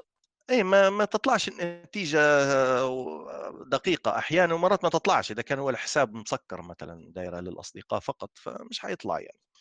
فم لكن تصنيفها يعني باختصار هي هي بدت كموقع تواصل اجتماعي بين أشخاص عن طريق الهواية، التصوير، Flickr، Instagram، 500 pix مت في في هلبة يعني زي Reddit مثلًا، Reddit هذا بسيط جدًا وكتيبة فسطة و وفيه حتى صور. آآ التويتر مثلًا، آآ أكيد كلنا سمعنا بتويتر توا واللي صاير فيه المالك الجديد متاعه، ففي ناس تصرف في أرقام، يعني تويتر انشرى ب44.000.000$ يعني منصة تواصل اجتماعي هي مرات أنت تشوفها بسيطة وتافهة و280 حرف تكتبهم وخلاص، لكن في من وراها أشياء لو أني كلهم نبي نجمعهم في تصنيف واحد إنهم هم آآ تحت تصنيف الbig data يعني هذه التصنيف ال تجميع بيانات الناس ل لأغراض إعلانية، لأغراض سياسية، لأغراض آآ أي شيء آخر يعني. صحيح. ما. عادش نشوف أنا لو سألتني السؤال هذا قبل 10 سنين كنت أعطيتك رد مخالف يعني، لكن توا ما عادش نشوف فيها بكل براءة خلينا نقول. فعلًا، فعلًا، صحيح. كلها يعني تجمع في البيانات ومحاولة يعني تو إحنا في حاجة اسمه في اقتصاد الانتباه يعني التنشئة، يحاولوا كيف جذب الانتباه متاع الناس باش يولدوا فلوس عن طريق الإعلانات وغيرها، فأصبحت هي منصات إعلامية بأكبر ما كونها يعني فعلًا للتواصل الاجتماعي، وفي حتى بعض النقاد يقول لك بدأت عزل اجتماعي، بدأت الناس معزولة على بعضها، بدل ما الناس كانت تتلاقى إيه وتتلم، كل الواقع واحد مشان الافتراضي. توا. إيه الواقع الافتراضي توا ن نظارة الOculus Quest هذه اللي شرتها فيسبوك، وطبعًا بعد ما تغيرت ولا اسمها ميتا، آآ فيها كاميرات، آآ طريقة إنها هي كيف تعرفك أنت تشبح يمين يسار فوق لوطة مش فيها حاجة لها علاقة بالجاذبية لأ، آآ فيها 4 كاميرات، ال4 كاميرات تصوّر في الدار اللي أنت فاصلها توا حاليًا، تصنع في صورة ثلاثية الأبعاد لحوشك. أوف! يعني الموضوع بدأ ما عادش مجرد إنك أنت توا ال- مكانك الجغرافي أو آه، شنو المنشورات اللي تعلق عليها وما تعلقش؟ أو شنو ال- المنتجات اللي تحبها أنت ولا ما تحبهاش؟ آه، مثلا تليفون يسمع فيك يسمع في أحاديثك وقاعد يعرف كلمات مفتاحية ويجيب لك في إعلانات. في الخمسين سنة الجاية إن شاء الله بيبدوا يعرفوا أنت في الحوش قاعد شدير. آه، اللمبة متاع دار النوم اللي في جنبك تفتح فيها إمتى وتسكر. هل تخلي فيها مفتوحة ولا لا أصلا؟ وأنت لما تلعب آه، مثلا وفاتح نظاره الواقع الافتراضي هي شنو المنتجات اللي حاليا محطوطة على المكتب بتاعك أنت عارف إن الفيسبوك أو التليفون بتاعك فيه تطبيق الجوجل goggles اسمه جوجل الأيقونة بتاع زي النظارة. تصور به أي حاجة يقراها هيك شوية ويقول لك هذه شنو هي؟ هذه سبيكره هذه تليفون هذا ماوس هذه حكة بيبسي هذه لوحة مفاتيح آه، هذه سيارة يعني حاليا التحقق من الوجوه خدمة من الخدمات موجودة. فلما هو يرسم صورة ثلاثية الأبعاد لحوشك فخلاص انت خشوا لحوشك يا جماعة يعني ويعرفوا حاجات انت مرات ما تعرفهاش. والله يعني هذه اللي قلت لك يعني هذا راهو الموضوع هذا امتداد لأكبر منصة تواصل اجتماعي أثبتها علاش لأن شركة فيسبوك أو شوفها أو شركة ميتا موقع فيسبوك ما عادش يشوفوا فيه إنه هو يجيب لهم فلوس يعني. أو لا تو زي ما تقولوا هيك زي الأخطبوط طلع دراع هيك تاسعة. هو عنده ثمانية طلع دراع تاسعة اللي هي ال VR هذه تو. ف خشت الحياش وخلاص يعني بدو راسمين ويعرفوا كل شيء يعني. إيه بدأ يتوجه طبعا الميتا هذه شريت الإنستغرام وشريت الواتساب وطبعا الفيسبوك قاعد معاهم. فايه فزي ما قلت أنت اخطبوط وشركات يعني تتجه يعني كل وقت وفي تنافس كبير. إحنا تو نبغى نجو لعالم ثاني تو نطلعوا من عالم التواصل الاجتماعي والحالة ما نجو لموضوع الاستفادة وخاصة لموضوع الطلبة الآن. نبدوها بموضوع البرامج أو نقول برامج جوجل نفسها أو التطبيقات بتاع جوجل ومايكروسوفت. شنو شنو تقدر تقول لنا عليهم؟ يعني شنو حاجة ممكن إحنا ما كناش نعرفها ممكن تضيف لنا عليها. والله هي الحزم البرامج بتاع آه، جوجل ومايكروسوفت اللي موجودة على الإنترنت مجانية. هذه واحدة من الحاجات آه، آه، فسرها بالتفسير هذاك انها علاش مجانية؟ ما مش نحولوه تو موضوع فيلم. مش نديروه فيلم رعب توا لكن هذه واحدة من الأسباب إن هم اولا مايكروسوفت من مصلحتها ان ما تخليش جوجل لأن هي أول ما بدأ بها جوجل دارها مجانية حزمة خدمات مايكروسوفت السحابيه اندارت منافسة لحزمه برامج جوجل. الموضوع ببساطة هو بدلا من إن لأن العالم الأول بدا عند الإنترنت زي ما عندهم الكهرباء والمية فبدت حكاية إنك أنت تكون عندك لابتوب ما فصل شيء يعني إلا إنه يتصل بالإنترنت وبطاريه كويسة وشاشة واضحة باش إنك أنت بعدين تستعمل الخدمات السحابية إحنا نقولوا لها اللي هي موجودة في السحابة. شنو هي السحابة؟ هي مجموعه مجموعة كمبيوترات وسيرفرات موجودة في موزعة على العالم تستضيف في حزم برامج جوجل ومايكروسوفت بالإضافة لتطبيقات أخرى زي الجيميل وغيرها يعني أي حاجة تشبح فيها أونلاين آه، فهي واحدة من الخدمات كتطبيق توصلك. آه، بصراحة آه، في في ميزة كويسة في مايكروسوفت وخدماتها إن مش عارف إذا كان جوجل موجود فيها الشيء هذا أو لا في ليبيا حتى مايكروسوفت مش عارف في ليبيا أو لا. ولكن نعرف إنهم يقدموا في الخدمات بتاعهم مجانية حزمة التطبيقات بتاعها هي أصلا مجانية لكن الثانية الإضافية اللي ما زال فيها مزايا أكبر وتكون نسخ مثلا تطبيقات تنزل على الكمبيوتر نفسه يعطوا فيها لطلبة الجامعات. يعطوا فيها لطلبة الجامعات على أي أساس؟ أي جامعة لازم يكون عندها موقع إلكتروني مسجل ويكون dot edu اللي هي ال education. هذا نطاق نطاق الخاص بالجامعات والمعاهد والمدارس. لو أنت عندك إيميل في الجامعة طبعا أي طالب خاش لجامعة مفروض نحكيش على ليبيا يعني تو مفروض يكون عنده إيميل آه، مثلا عليه at Tripoli University dot edu هذا مفروض أنا نقدر نمشي نخش Office dot com ندير حساب جديد آه، نسجل الحساب لما يقول لي شنو تبي اسم المستخدم أو الإيميل نحط له إيميل بتاع الجامعة هي. لو الجامعة مسجلة عنده وأمورها تمام آه نقدر نحصل آه باقة من خدمات آه تطبيقات مايكروسوفت المكتبية اللي هي ال Microsoft Word آه ال Excel ال Outlook PowerPoint آه في حتى Visio في حتى Project آه، في يعني مجموعة من التطبيقات تختلف حسب الحزمة يعني. في حزمة خاصة بالطلبة أنا ما يحضرنيش تو اللستة كلها لكن نعرف إن فيها OneNote حتى هو.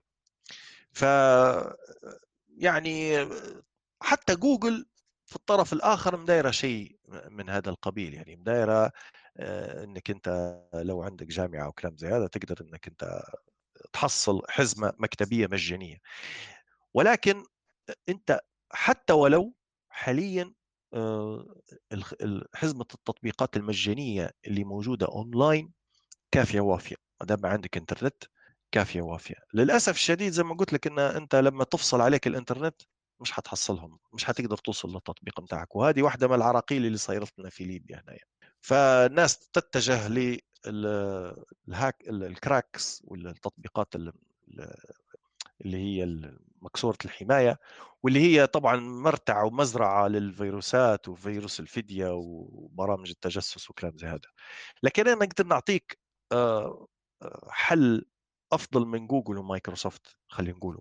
أنت آه، لما بتجيب تكتب التقرير متاعك في الجامعة أو بتدير حاجة أنت مش حيقولوا لك بشن خدمتها هي وبيعطوك درجات آه أنت خدمتها ب Microsoft Office آه بنعطيك 10 درجات زيادة ما يهمهمش هم في تطبيقات أخرى تطبيقات أخرى آه يعني آه تعطي نفس نفس النتيجة نفس الخدمات يعني.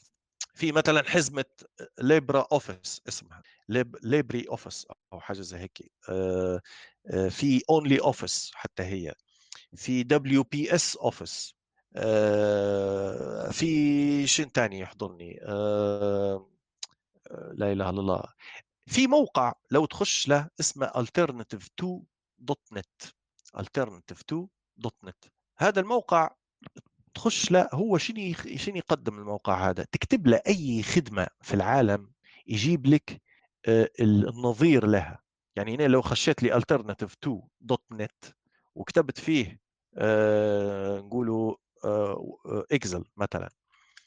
حيجيب لي شنو التطبيقات اللي زي اكزل لكن مفتوحة المصدر مجانية بالكامل آه، مدفوعة جزئيا آه، تخدم بها مثلا آه، فترة وبعدين يتسكروا المزايا الكاملة متاعها لازم تدفع.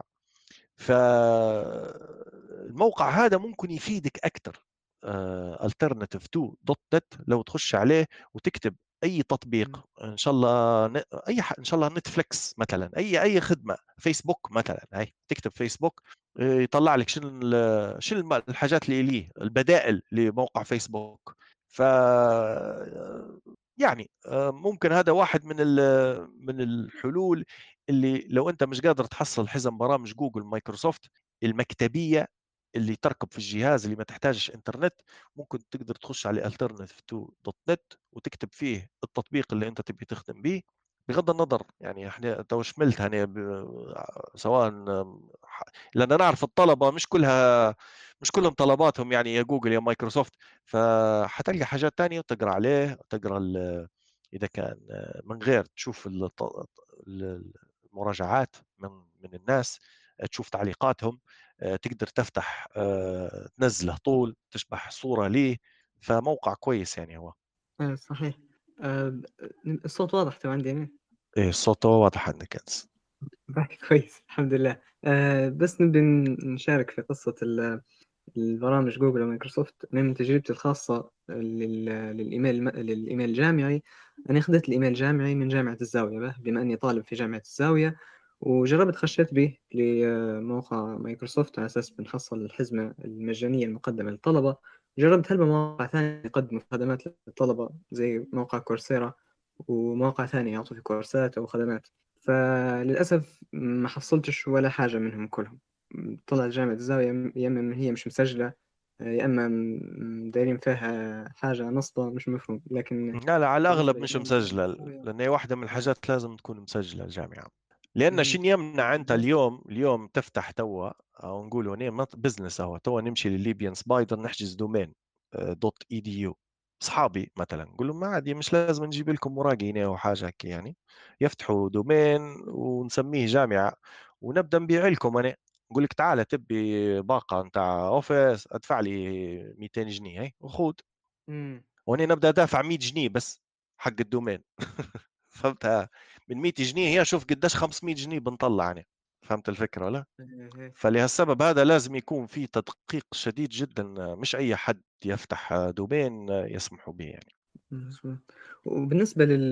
للحزم نفسها يعني حزم جوجل ومايكروسوفت آه يعني موجود على الهاتف ومجانا وحتى بدون انترنت وحتى النسخ اللي اللي بالإنترنت مثلا Google Docs أو Google Sheet. آه تقدر تستخدمهم من المتصفح وبدون إنترنت.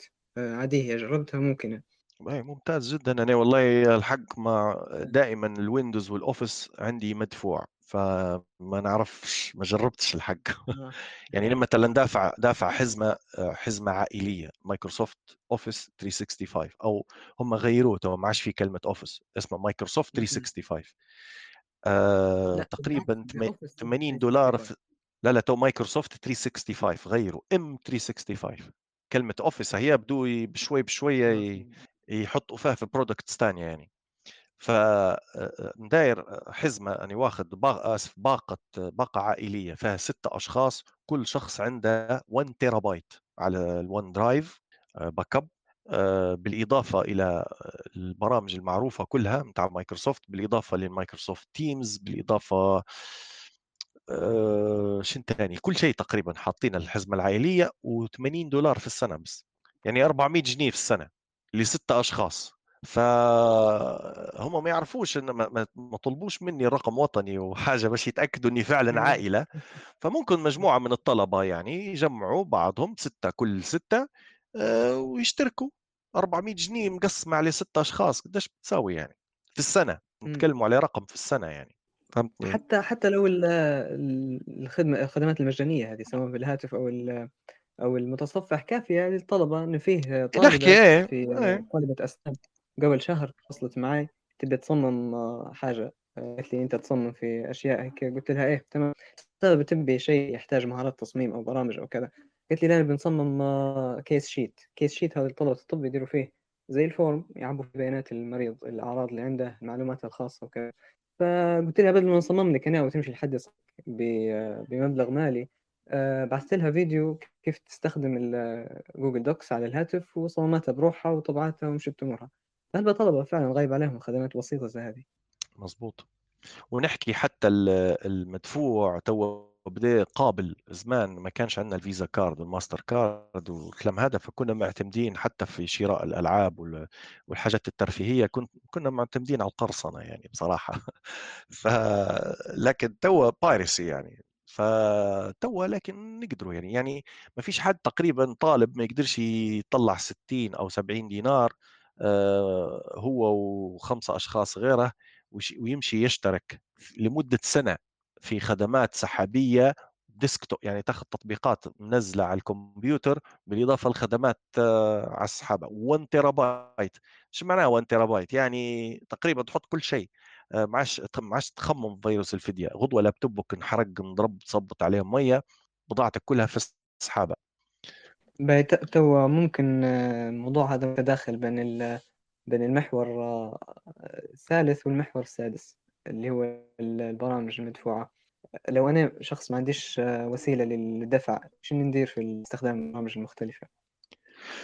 والله في عندك group ات الفيسبوك توا آه، في عندك group ات التليجرام آه، في ناس عندها القدرة إنها هي تشري لك يعني تخلصها بالليبي وتمشي تشري. طبعا إحنا واحدة من العراقيل اللي صايرت لنا إن في خدمات ومواقع تطلب في PayPal مثلا تقول لك أنا ما نبيش فلوس إلا عن طريق ال PayPal فأنت هيك حتى لو بطاقتك المصرفية الماستر كارد أو الفيزا عندك وشاحنها وأمورها تمام مش مش حتقدر يعني.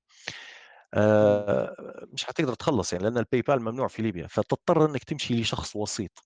هذا لو أنت عندك القدرة المادية إنك أنت تدفع. لو ما عندكش القدرة نرجع ل ممكن أنت مبكري ما كنتش تسمع فينا اللي هو موقع ال AlternativeTo dot net سمعت مبكري ولا لا؟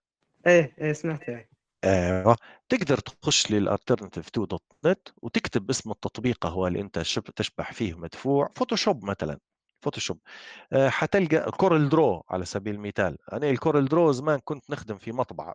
في بداية آه، هيك آه، نقولوا بعد ما طلعت من الثانوية. كنت نخدم هيك تصوير و Photoshop وخدمة شعارات وكلام زي هذا فكنت معتمد اعتماد تام على ال CorelDRAW في يوم جيت نبي هيك نخدم حاجة وبسرعة. والنسخة اللي عندي متاع ال CorelDRAW تخدم على ال Windows XP. ما بتش قديمة هلبة ما بتش تخدم لي على ال Windows 10 فخشيت النت قلت تو شيني بننزل نسخة demo نزلت النسخة demo ولقيت فيها المزايا اللي نبيها مش موجودة في النسخة التجريبية. شايف تحت تذكرت ال AlternativeTo فتحت لقيت في تطبيق اسمه Inkscape. Inkscape والله يعني كأنه CorelDRAW. خديته ونزلته ومن طول عرفت كيف نخدم به سهل آه، في حاجات حصلت فيها شوية فتحت يوتيوب how to كذا كذا. لقيته واحد يشرح فيها بالفيديو. كملت موضوع هيك في خلال ممكن ساعة وكنت أموري تمام. لا نزلت crack لا عرضت جهازي للخطر لا درت أي حاجة وما ضرتش حد. حتى هيك رضا ما ما, ما حسش نفسي إني سرقت حاجة مثلا ولا ولا درت حاجة غلط ولا ضريت إنسان ولا أموري تمام يعني. فهذه واحدة من الحاجات يعني عندك يا إما تختار وسيط يا إما تمشي ال AlternativeTo dot وتشوف. أكيد حتلقى برنامج 3 أو يعني أكيد. إيه تمام. آه، تو في حاجة أنت قلتها تو في ال... أنت خشيت على اليوتيوب وبحثت عليها how to how to هذه الكلمة الذهبية لأي حد من اللي يسمع فينا تو لل... أي شخص بيستفيد من من الإنترنت بأقصى حاجة. how uh, to أو كيف هذه الكلمة الذهبية لأي شيء ما قدرتش تستخدمه أو ما عرفتش كيف توصل فيه uh, تكتب how to الحاجة اللي تبي تديرها أنت شنو كيف ندير كذا كذا. حتلقى كل شيء موجود في اليوتيوب وغير المواقع. طبعا لكن يحتاج أنا بننصح هنا نصيحة وهي شيء مؤسف يعني أن المحتوى العربي آه، شحيح جدا جدا جدا. يعني لما بتدور حاجة للأسف الشديد آه، ضروري تكون لغتك الإنجليزية كويسة. آه، المحتوى الإنجليزي حيطلع لك حيطلع لك الحاجة يعني متأكد. في أشياء مش حتلقاها بالعربي نهائيا أو تلقى واحد أو اثنين بس متكلمين عليها وبطريقة مرات مش كويسة. بينما بالإنجليزي حتلقى عشرات إذا كان مش مئات أو آلاف متكلمين عليه الموضوع مقالات تبي بالصورة تبي بالفيديو آه، في اللي مداير حتى بودكاست مداير عليه الموضوع يبدأ يشرح. آه، يعني بالإضافة إلى بالإضافة إلى كلام أنا قلته في البداية بكل في موضوع الجوجل أنت مش ضروري تفتح جوجل وتدور برا اليوتيوب مباشرة راو يوتيوب مولي محرك بحث حتى هو آه، بالذات للحاجات هي متاع ال how to كيف وللعربي والإنجليزي حتى هو موجود فيه بس المحتوى الإنجليزي قاعد أكبر. إيه تمام. آه، تو إحنا فتنا هالبوقت آه، فتنا أكثر من إحنا فتنا بنص ساعة. تقريبا. إيه. آه خلاص. توا بن بنخش في المحور الأخير. نتكلم عليه ب حتى لو بإيجاز باش نفتحوا باب المشاركات. الكتب والأبحاث العلمية والمصادر العلمية بصفة عامة. آه كيف سبل الوصول لها؟ عندك طرق معينة والله آه، في عندك آه، طبعا مرة ثانية المحتوى العربي شحيح جدا في الموضوع هذا لكن من الممكن أن واحد آه، يستعمل آه، مزايا أو مهارات استعمال محرك بحث جوجل المتقدمة ال advanced search على سبيل المثال بتدور على كتاب تقدر بعد ما تكمل زي ما نقولوا الكلمة متاعك أو جملة البحث متاعك تختمها بكلمة filetype كلمة واحدة filetype هيك كلمة واحدة بعدين شارحة اللي هي نقطتين فوق بعض وبعدين PDF على سبيل المثال. كلمة واحدة كلها من غير آه. مسافة. فتكتب اسم الكتاب تكتب آه، حتلقى حتلقى شخص واخده داير له scan وحاطه هكي في مكان ما. PDF وحتلقى كلها PDF طالعة. آه، لكن على الأغلب أنت كي بتفتح الباب على روحك فيروسات ما فيروسات؟ لأن بتخش للمواقع هذيك متاع اضغط هنا click هنا برا لهياه أقفز مش عارف شنو.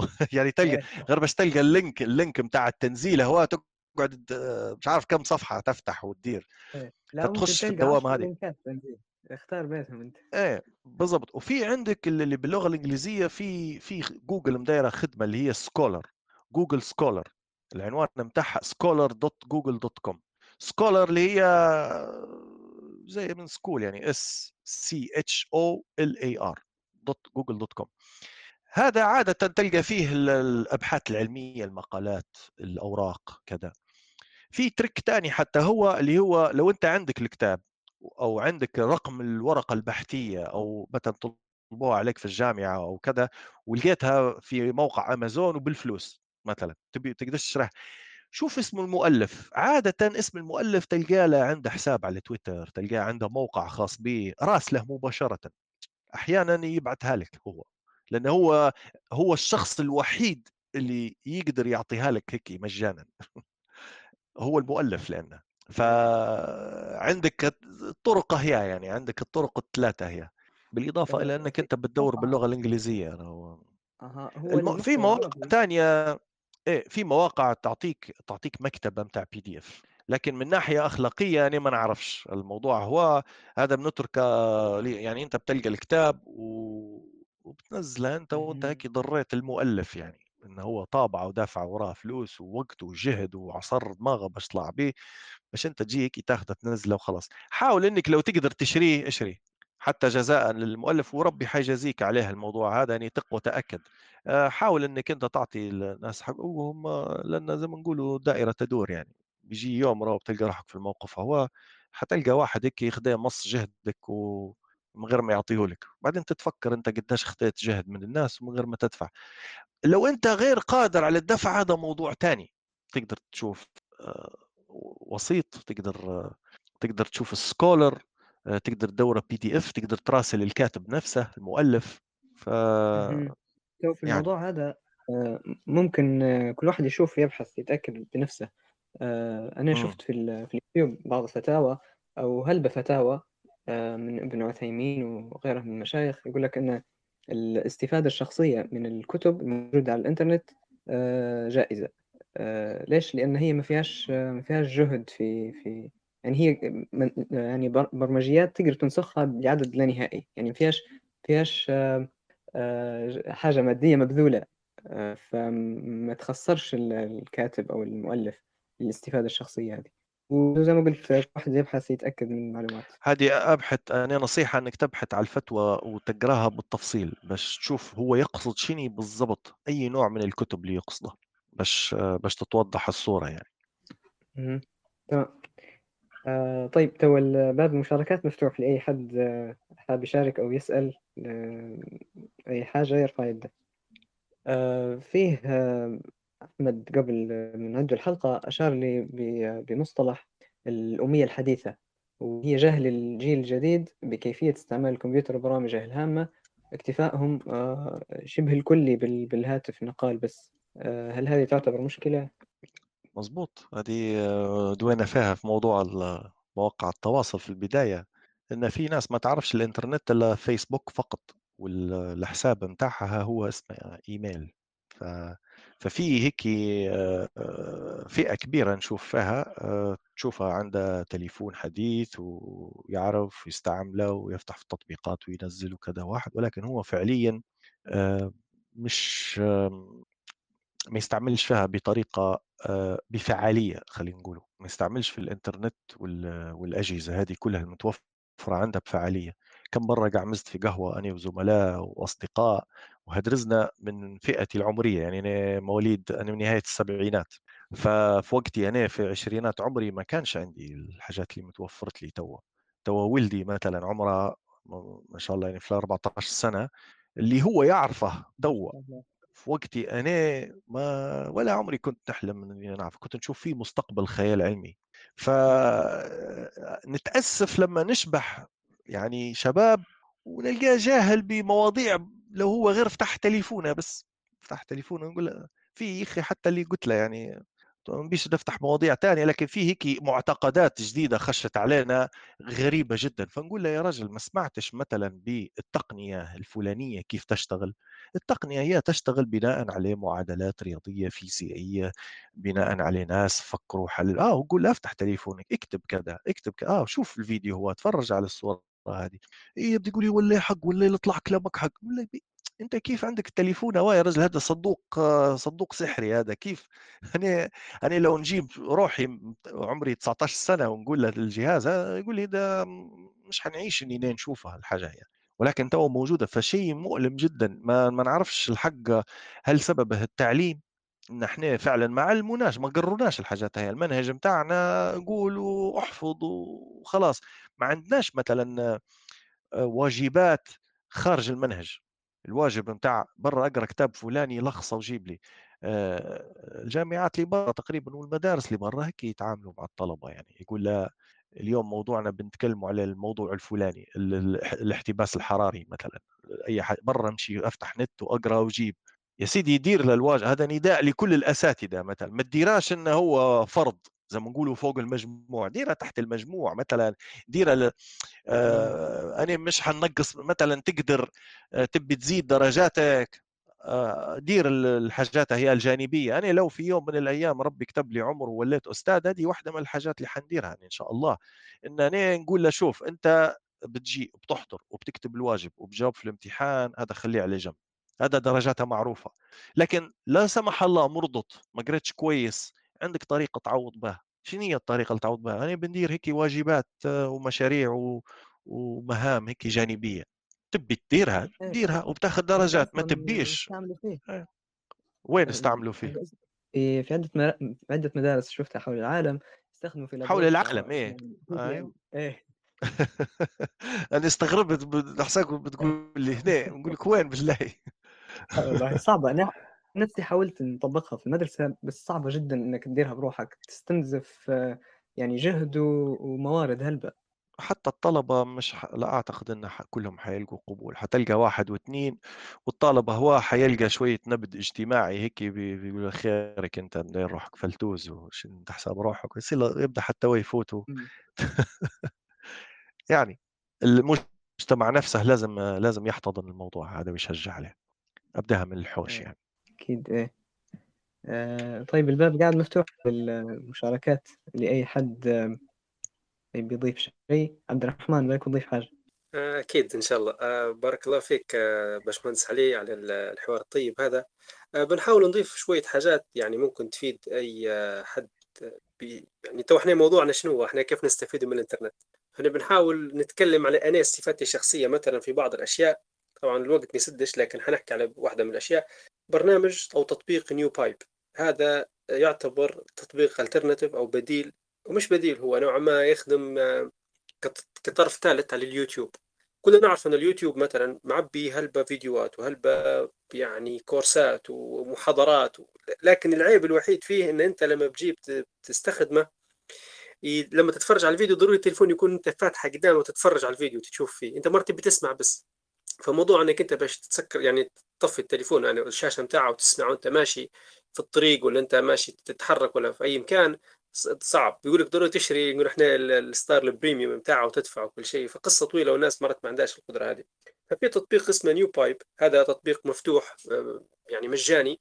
آه، المبرمجين بتاعه عاملين لنا وسيله لضم أكثر من برنامج يعني اليوتيوب SoundCloud هادو أبرز برنامجين العيب الوحيد فيهم أنت لما تسمعهم بيزعجوك بالإعلانات بتاعهم فهي وسيلة للهروب من الإعلانات هذه. فهذا ننصح به. أنا صراحة عن طريقه حفظ لي هلبة وقت وتعلمت هلبة حاجات. فيعني هذا تطبيق ننصح فيه بشدة صراحة. آمن وأموره طيب بتعلق على حاجة؟ آه لا أنا بن... بنعطي شوية مواقع حتى نعم يا ريت. عندك آه، بالنسبة ل الاستفادة من الإنترنت هذا أنت وزي ما نقولوا رغبتك آه، في تعلم شيء تمام؟ آه، أحيانا شخص يقول لك بيني والله عندي وقت فراغ وما نعرفش شني ما نعرفش هاي يقول لي أنت شنو نتعلم؟ أطرح لي. مرات هو حتى أصلا فكرة إنه شني لأنه هو مش عارف الشيء يجهله فهو ما يعرفش شن شن يبي يطلب أصلا. فمثلا عندك موقع زي آه، كورسيرا. موقع كورسيرا فيه دورات مجانية ومدفوعة تقدر تخش فيه وتشترك وتبدأ تتعلم فيديو أستاذ آه، تشوف الكورس آه، الناس اللي شاركت فيه آه، عدد خلينا نقولوا الناس اللي قيمتها تقييم كويس. في عندك موقع زي Quora Quora Q U O R A موقع متاع تدريس يعني فيه أسئلة فيه فيه ناس تسأل على أشياء في ناس تجاوب فيهم الأشياء. في موقع تاني المهم هو موقع يعني بتاع خلينا نقولوا نقاش في كل شيء تقدر تقول زي زي ال Reddit آه، في عندك موقع Duolingo وهو حتى تطبيق على الإنترنت لتعليم اللغات. آه، في عندك الموسوعة آه، موسوعة الموسوعة المفتوحة الويكيبيديا يعني هذه يشاركوا فيها ناس من العالم بالكامل تلقى فيها مثلا معلومات جديدة أشياء عندك موقع زي Lifehacker موقع Life هي مدونة خلينا نقولوا موقع ال Lifehacker هذا تلقى فيه آه، تقريبا آه، شو بنقول لك آه، كل شيء على الفلوس على الرياضة على الحياة كيف يعطيك top 10 top 7 top أكثر 10 أشياء ممكن إنك تديرها في سنة 2020 أكثر 10 مواقع مفيدة مثلا تفيدك في الموضوع الفلاني سبعة مثلا خط خطوات آه، باش إنك أنت تحصل فلوس من اليوتيوب آه، من اسمه لايف هاكر يعني هذا هذا اللي يخترق في الحياة يعني يعطي فيك في التركات وال وأسرار زي ما نقولوا حاجات هيك آه، ممكن تستفيد منها. في موقع اسمه هاو ستوف هاو ستوف ووركس فسطها البحاجات البحاجات كيف تخدم. عندك مثلا بالإضافة إلى إنك أنت تتعلم شيء جديد من المواقع هي وتشوف آراء آخرين أنت ممكن آه، تتعلم حاجة تانية اللي هي آه، إنك أنت تشوف الآراء حواليك يعني في العالم تشوف شن في صاير. زي موقع TED Talk TED Talks هذا آه، موقع هو TED T E D dot com com هذا فسطة يعني ناس عندها أفكار من مختلف أطياف البشر في العالم من كل بقاع الأرض من أعماق وأدغال أفريقيا من من كل مكان.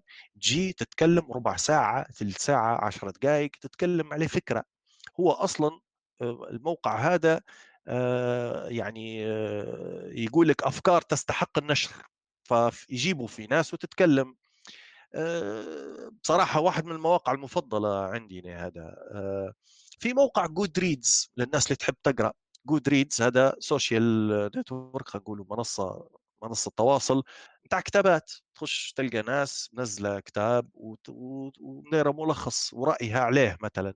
تقرأ الكتاب تشوف ملخص عليه تشوف تقييمات الناس عليه. في ناس جد قالت والله الكتاب هذا عجبني. لا الكتاب هذا والله يطرح أفكار هدامة. الكتاب هذا والله يتعارض مع شريعه المسلمين. الكتاب هذا يبشر لي مش عارف شنو هو.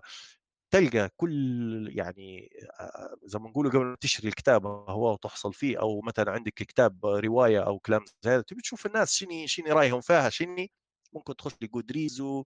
وتتعلم منه يعني حاجات تانية في عندك مواقع لو نبغى نتكلم على مواقع التواصل الاجتماعي زي موقع لينكدين لينكدين هذا واحد من مواقع التواصل الاجتماعي لكن على مستوى احترافي يعني تخش تكتب فيه الخدمة متاعك خبرتك تتكلم مع الناس على مستوى مهني. آه، تلقى فيه ناس آه، رؤساء وأعضاء مجالس إدارة في شركات ضخمة تلقى عندهم حساب وتلقاهم ينزلوا في منشورات وسطه مجموعات حتى هو وجروبات وتلقى فيه تقدر تتعرف على ناس من حول العالم في أنا حصلت منه شغل آه، شغل عن بعد ريموتلي لكن وخذيت هالشغل يعني ولكن وقفتني حكاية الدفع ما فيش كيف ما عنديش كيف الفلوس يتحولوا لي فللأسف الشديد أنا فتها فكان واحد من من المواقع المفيدة لي حتى على المستوى المهني إني مثلا أنا نبي نتخصص أمن معلومات. نمشي نخش فال LinkedIn ندور على ناس عندها الشهادة هي وعندها الخبرة هي و... ونشوف شنو المؤهلات اللي عندها. نشوف شنو الشهادات اللي قرتها شنو الجامعة اللي خشت فيها شنو كذا. الناس اللي طالعة من الثانوي تو تبي تتخصص. واحدة من الحاجات يعني نخش نشوف هو شنو قري باش وصل لل... لل... للموضوع هذا يعني. ف في المواقع هذه نفسها بتاع إني شنو نستفيد من الإنترنت أنت اكتب how to مثلا make use of the internet آه كيف أستفيد من الإنترنت؟ حتلقى مقالات لها أول ما لهاش آخر من ناس كاتبت لك كيف تستفيد من الإنترنت. فموضوع آه يعني آه شو بنقول لك توا؟ ممكن أنا أعطيتكم توا أهم المواقع اللي بصراحة هيك نحبها ونستفيد منها. آه هذه ممكن تكون بداية خلينا نقول بالإضافة لل... للموقع اللي ذكرته عبد الرحمن يعني كان في YouTube Vanced مثلا بالإضافة ل NewPipe. تو NewPipe هو شايف روحه بعد ما New بعد ما ال YouTube Vanced سكروه. فتو ممكن بينشر هو بعدها مش عارف هل كلامي صحيح ولا لا. هو بادي يعني يطوروا فيه صراحة يعني وديما حتى كانت تصير فيه bugs ولا حاجة تعطيلات ما يعطلوش وطول يديروا ال update نتاعه ويصلحوه. ال YouTube Vanced مستفيد منه انه هو يستعمل في إضافة آه، اللي هي توقف الإعلانات. مش توقف الإعلانات تفوت في الإعلانات. إعلان لفصل الفيديو نفسه تفوته تنقزه. لأن في قاعدة بيانات ناس هيك خادمينها للإعلانات فصل الفيديوهات. فهو يستعمل في قاعدة البيانات هي. فكنت مستفيد منها من النقطة هي. بعدين لقيت فصلها إنك تقدر تفتح الفيديو وتصغر تمشي لتطبيق ثاني ويقعد يخدم في الخلفية تقعد تسمع وكلام زي هذا. فحتى أني نيو بايب ننصح به وبشده يعني للناس اللي تحب تسمع آه، أو يعني مش لازم في في مزايا ثانية يعني من غير تنزيل وكلام زي هذا يعني ف وتسريع وتفويت السكتات وكذا. باش يختصر عليك الوقت؟ ف بالضبط يعني. على سيرة أنت المواقع الكورسات اللي حكيتهم في موقع إدراك موقع إدراك هذا تابع لمؤسسه الملكة رانيا أردن الأردنية أردن. بالضبط إيه. هذا كورسات بالعربي مجانية كلها بالكامل آه وفيها شهادات وفي مسارات فيها ومحتوى ديما يضيفوا في كورسات جديدة فبصراحة وحتى الجوجل فاست آه تقريبا جوجل أكاديمي ولا غلط مش عارف بالضبط إيه. إيه. إيه. فالكورسات هذه الواحد يقدر يستفيد منها في موقع مجانيه هو إيه في موقع بالنسبة لمشابه لل life hack اللي حكيت عليه اللي هو wikiHow. wikiHow هذا يوريك مزبوط. إنك أنت كيف تدير الأشياء بخطوات بالصور. تمام؟ يوريك بالصور. طبعا بس في ملاحظات يعني شوية بس واحد لاحظتها في ال wikiHow مثلا رغم إنه يعطيك المعلومات هذه وكذا لكن لازم الواحد يكون عنده يعني شو بنقوله يقدر يضبط الأيديولوجي في في في بعض المنشورات ينشروا فيها أو بعض الحاجات. لأن زي ما تعرفوا العالم كله يحط فيه وتلقوا حتى بالعربي لكن زي ما تعرفوا التوجهات كل واحد ودينه كل واحد وعقليته كل واحد وزي ما تعرفوا الآن التوجه العالمي هذا اللي يدفع في موضوع النسوية ويدفع بموضوع كذا فيحطوا في حاجات من, من نوع شوية ما, ما تمشيش. لكن حتلقوا استفادة يعني من بعض الأشياء خاصة الحياتية العامة اللي ما فيهاش آه، أي تعارض. آه، في حاجة جوجل دراها جديدة ميزة آه، مستخدمين الذكاء الاصطناعي اللي اسمها Talk to Books. Talk to Books هذا تخش عليه موقع اسمه يعني books dot google dot com بعدين دير غركبه في, في جوجل بس Talks to Books Talk to Books أيوه. كأنك تتكلم مع كتابات. فيعطيك خانة تكتب فيها السؤال تكتب فيها حاجة ويطلع لك اقتباسات من الكتب. متكلمين عليه كأن يحاولوا يجاوبوا على السؤال بتاعك هذا من خلال الكتب هذه. طريقة لطيفة شوية في عملية البحث. هو نفس هذه خدمة من جوجل هذه ولا؟ آه جوجل مديرتها. فقنينا مرة مرة كين نكسد قلت لها نسالك سؤال. لكن أيضا كذلك ديما تكون أنت واعي إن راهو الخوارزميات بتاعهم والايديولوجيه بتاعهم يدف اتجاه معين يبان في بعض الإجابات. شيء ثاني مش عارف هذه بالنسبة لطلبة البحوث مثلا جماعة الماجستير ولا جماعة الدكتوراه ولا مش عارف حتى طلبة الجامعة مثلا اللي بيديروا بحث علمي. في موقع اسمه Mendeley. Mendeley هذا اللي ال reference ياخذ اذا انت مثلا عندك ورقة بحثيه سواء كانت مثلا PDF ولا كتاب ولا انت تكتب انت بعدين في الأخير في المقال بتاعك وبتستشهد تقول أنا والله خذيت الاقتباس هذا من البحث اللي كتبه علي سنة 2020 فأنت تخش على موقع Mendeley هذا ترفع فيه ملف ال PDF هذا أو حط فيه ال reference تكتبه زي ما هو. فيفيدك أنت بعدين لما بتجي تكتب في في ال Microsoft Word ولا اللي هو يطلعهم لك بعدين يعني نقول إحنا قائمة الفهرس آه، قائمة المراجع. بضغطه واحدة فقط. هذه طلبة البحث بس حيفهموا كلامي اللي نحكي فيه لأن عملية مجهدة جدا إذا كان كل اقتباس بتعاود تكتب ال reference بتاعها وتديره عملية تلخبيط وتاخذ منك ساعات وأوقات عليه ضغطة ضغطة واحدة. فهم برنامج من ديلي. طبعا هذول كلهم إن شاء الله حنحاول نضيفهم في التعليقات لو أي حد آه، محتاج. آه، بس تو هذا اللي جاي في بالي. هذا اللي جاي في بالي من ناحية الاستفادة في الإنترنت. ف عليكم. أي حد آه، عنده؟ عنده موقع أو خدمة استفاد منها ويبي يشاركها معنا يتفضل. كنت بتقول حاجة علي؟ بنقول إن على تعقيبا على إن المواقع هذه طبعا تشتغل بأيديولوجية متاعها هي وال يعني بتحاول إنها مرات تزرع بعض الأفكار. أنا حاولت نطلع من سجن الشبكات الاجتماعية ودرت منتدى آه، بالمفهوم القديم يعني منتديات بحيث أن نحطوا فيها إحنا المحتوى اللي إحنا نبوه ويكون منتدى حوار خاص آه، زي ما كنا متعودين زمان على المنتديات. آه، ودرتها في موقع يعني لكن للأسف الشديد سميتها منتدى الشبكة. لكن للأسف الشديد الناس رافضه رافض الطلوع من الفيسبوك أصلا. فمحكوم عليه إنه بيقعدوا فسطة 10 5 أنفار.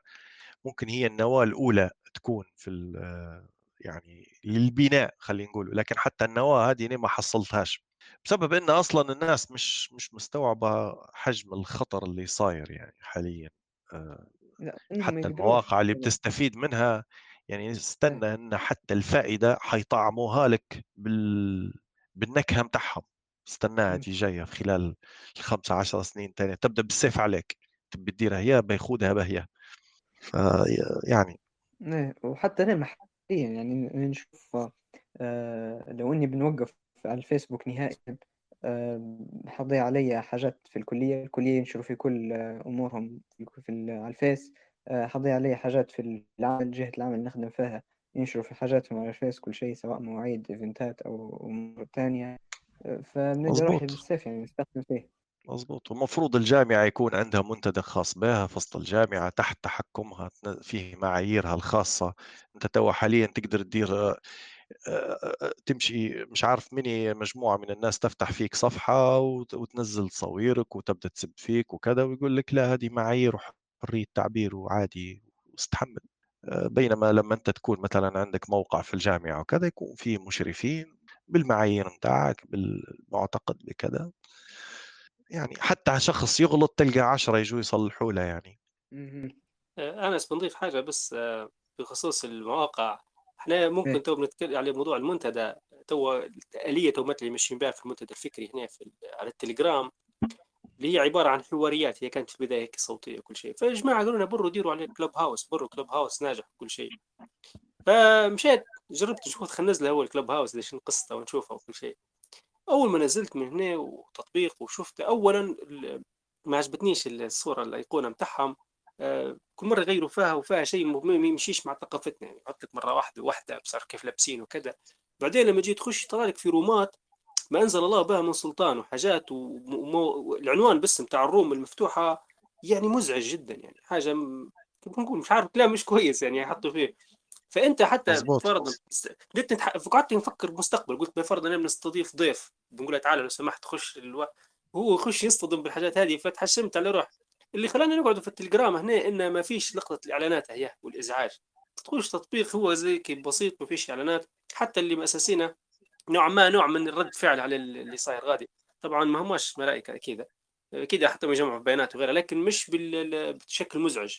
يعني اعلانات ينقز عليك هيك ولا بصير أنت حر أنت وين تبي تمشي؟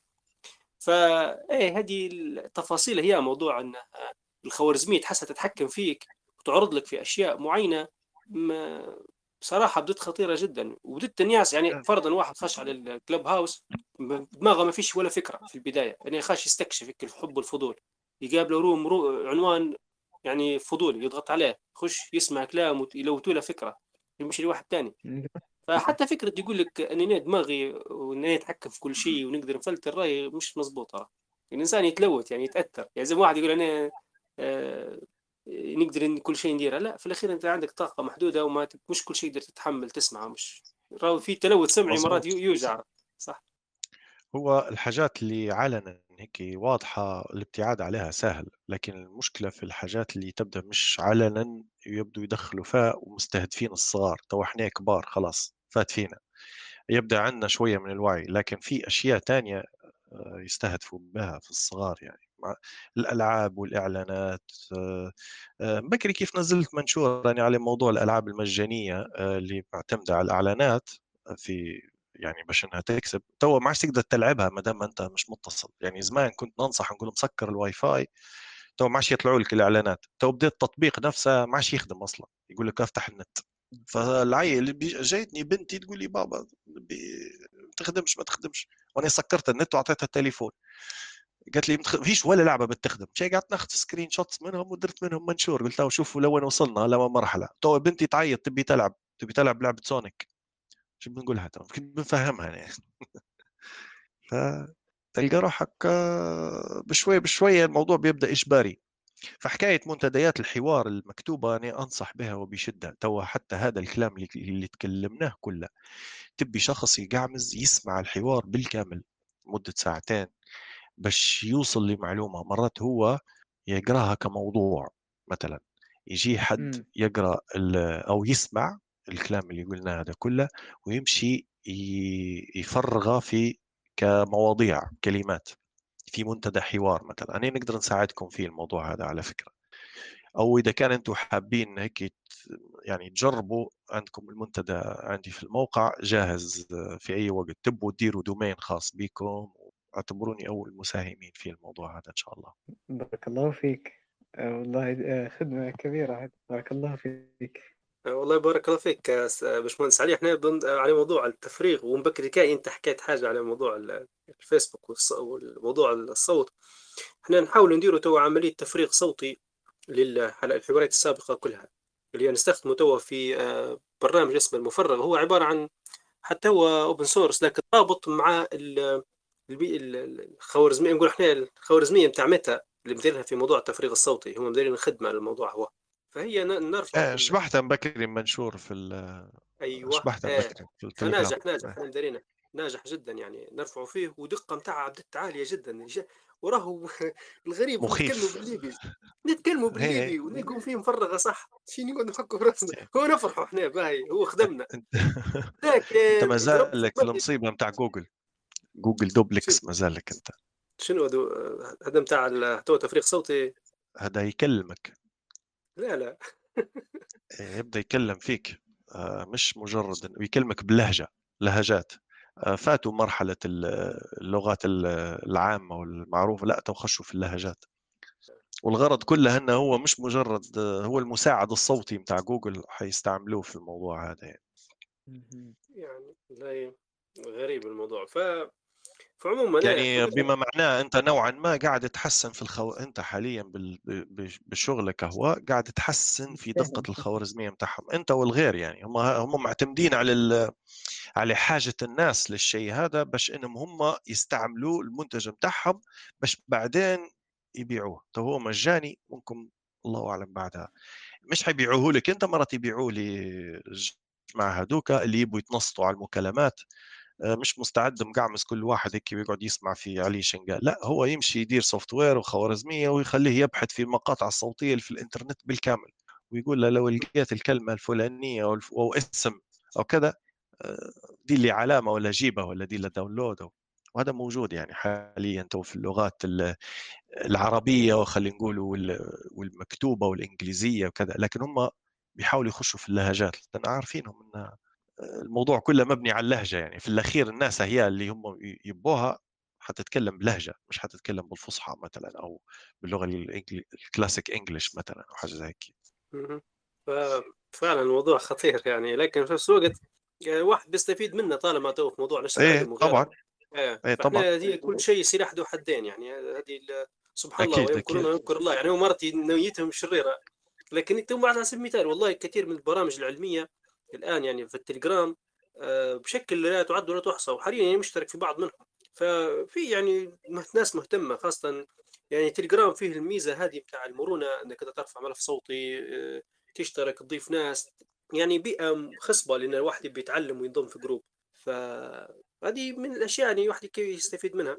فيعني أنت غير خطر على موضوع أنت العرض بتاع الموقع والدومين وكذا وكل شيء فغير حبيت نقول لك إن إحنا بادين نديروا في عملية تفريغ صوتي تفريغ نصي للتفريغ نصي أيوة للحوارات السابقة كلها. ونحاولوا مثلا نرفعوه مثلا في على مثلا في اليوتيوب وغيره وكل شيء. فلو كان مثلا قدرنا نديروا حاجة زي هذه مثلا دافع عندنا موقع خاص فتبدأ حاجة كويسة. ما عادش تبدو حاسين بال يمسحوا لنا حاجتنا وكذا. لأن صارت في أكثر من قناة كانت تنشر في محتوى تعليمي وتثقيفي كويس فجأة تجي بدون سابق إنذار يحتف لك كل شيء.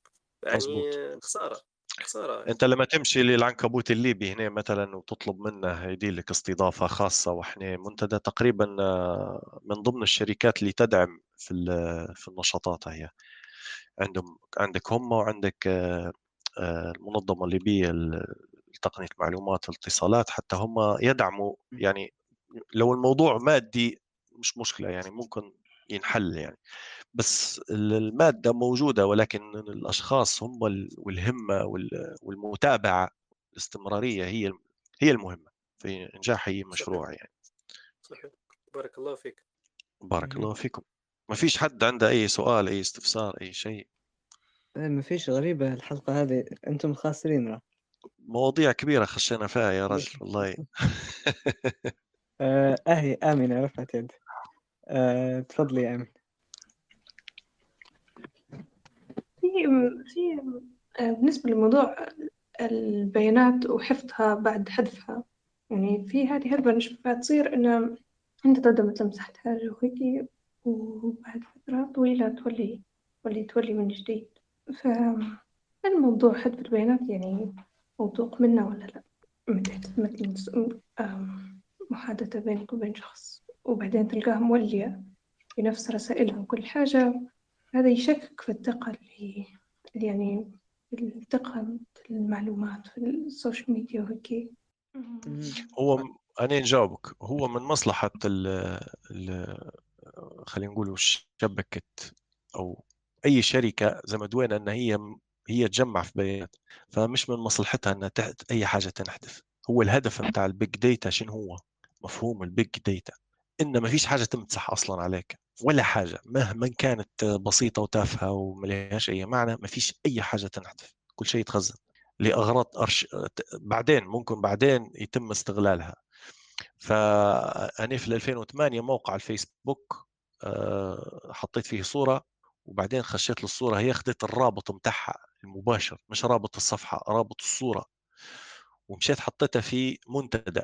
قلت له إن راوني متى يسأل هو على موضوع فانا رفعت الصورة في وسط الفيسبوك لأنه وقتها ما كانش فيه في المنتدى رفع صورة.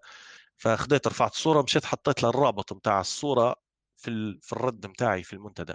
وخلاص ومرت السنوات. بعد سنوات ندور على حاجة في الإنترنت ممكن ممكن 2012 2013 يعني ندور عليها. فلقيت الرد بتاعي في هذاك في المنتدى. مشيت درت كليك على الصورة لقيتها رفعتني.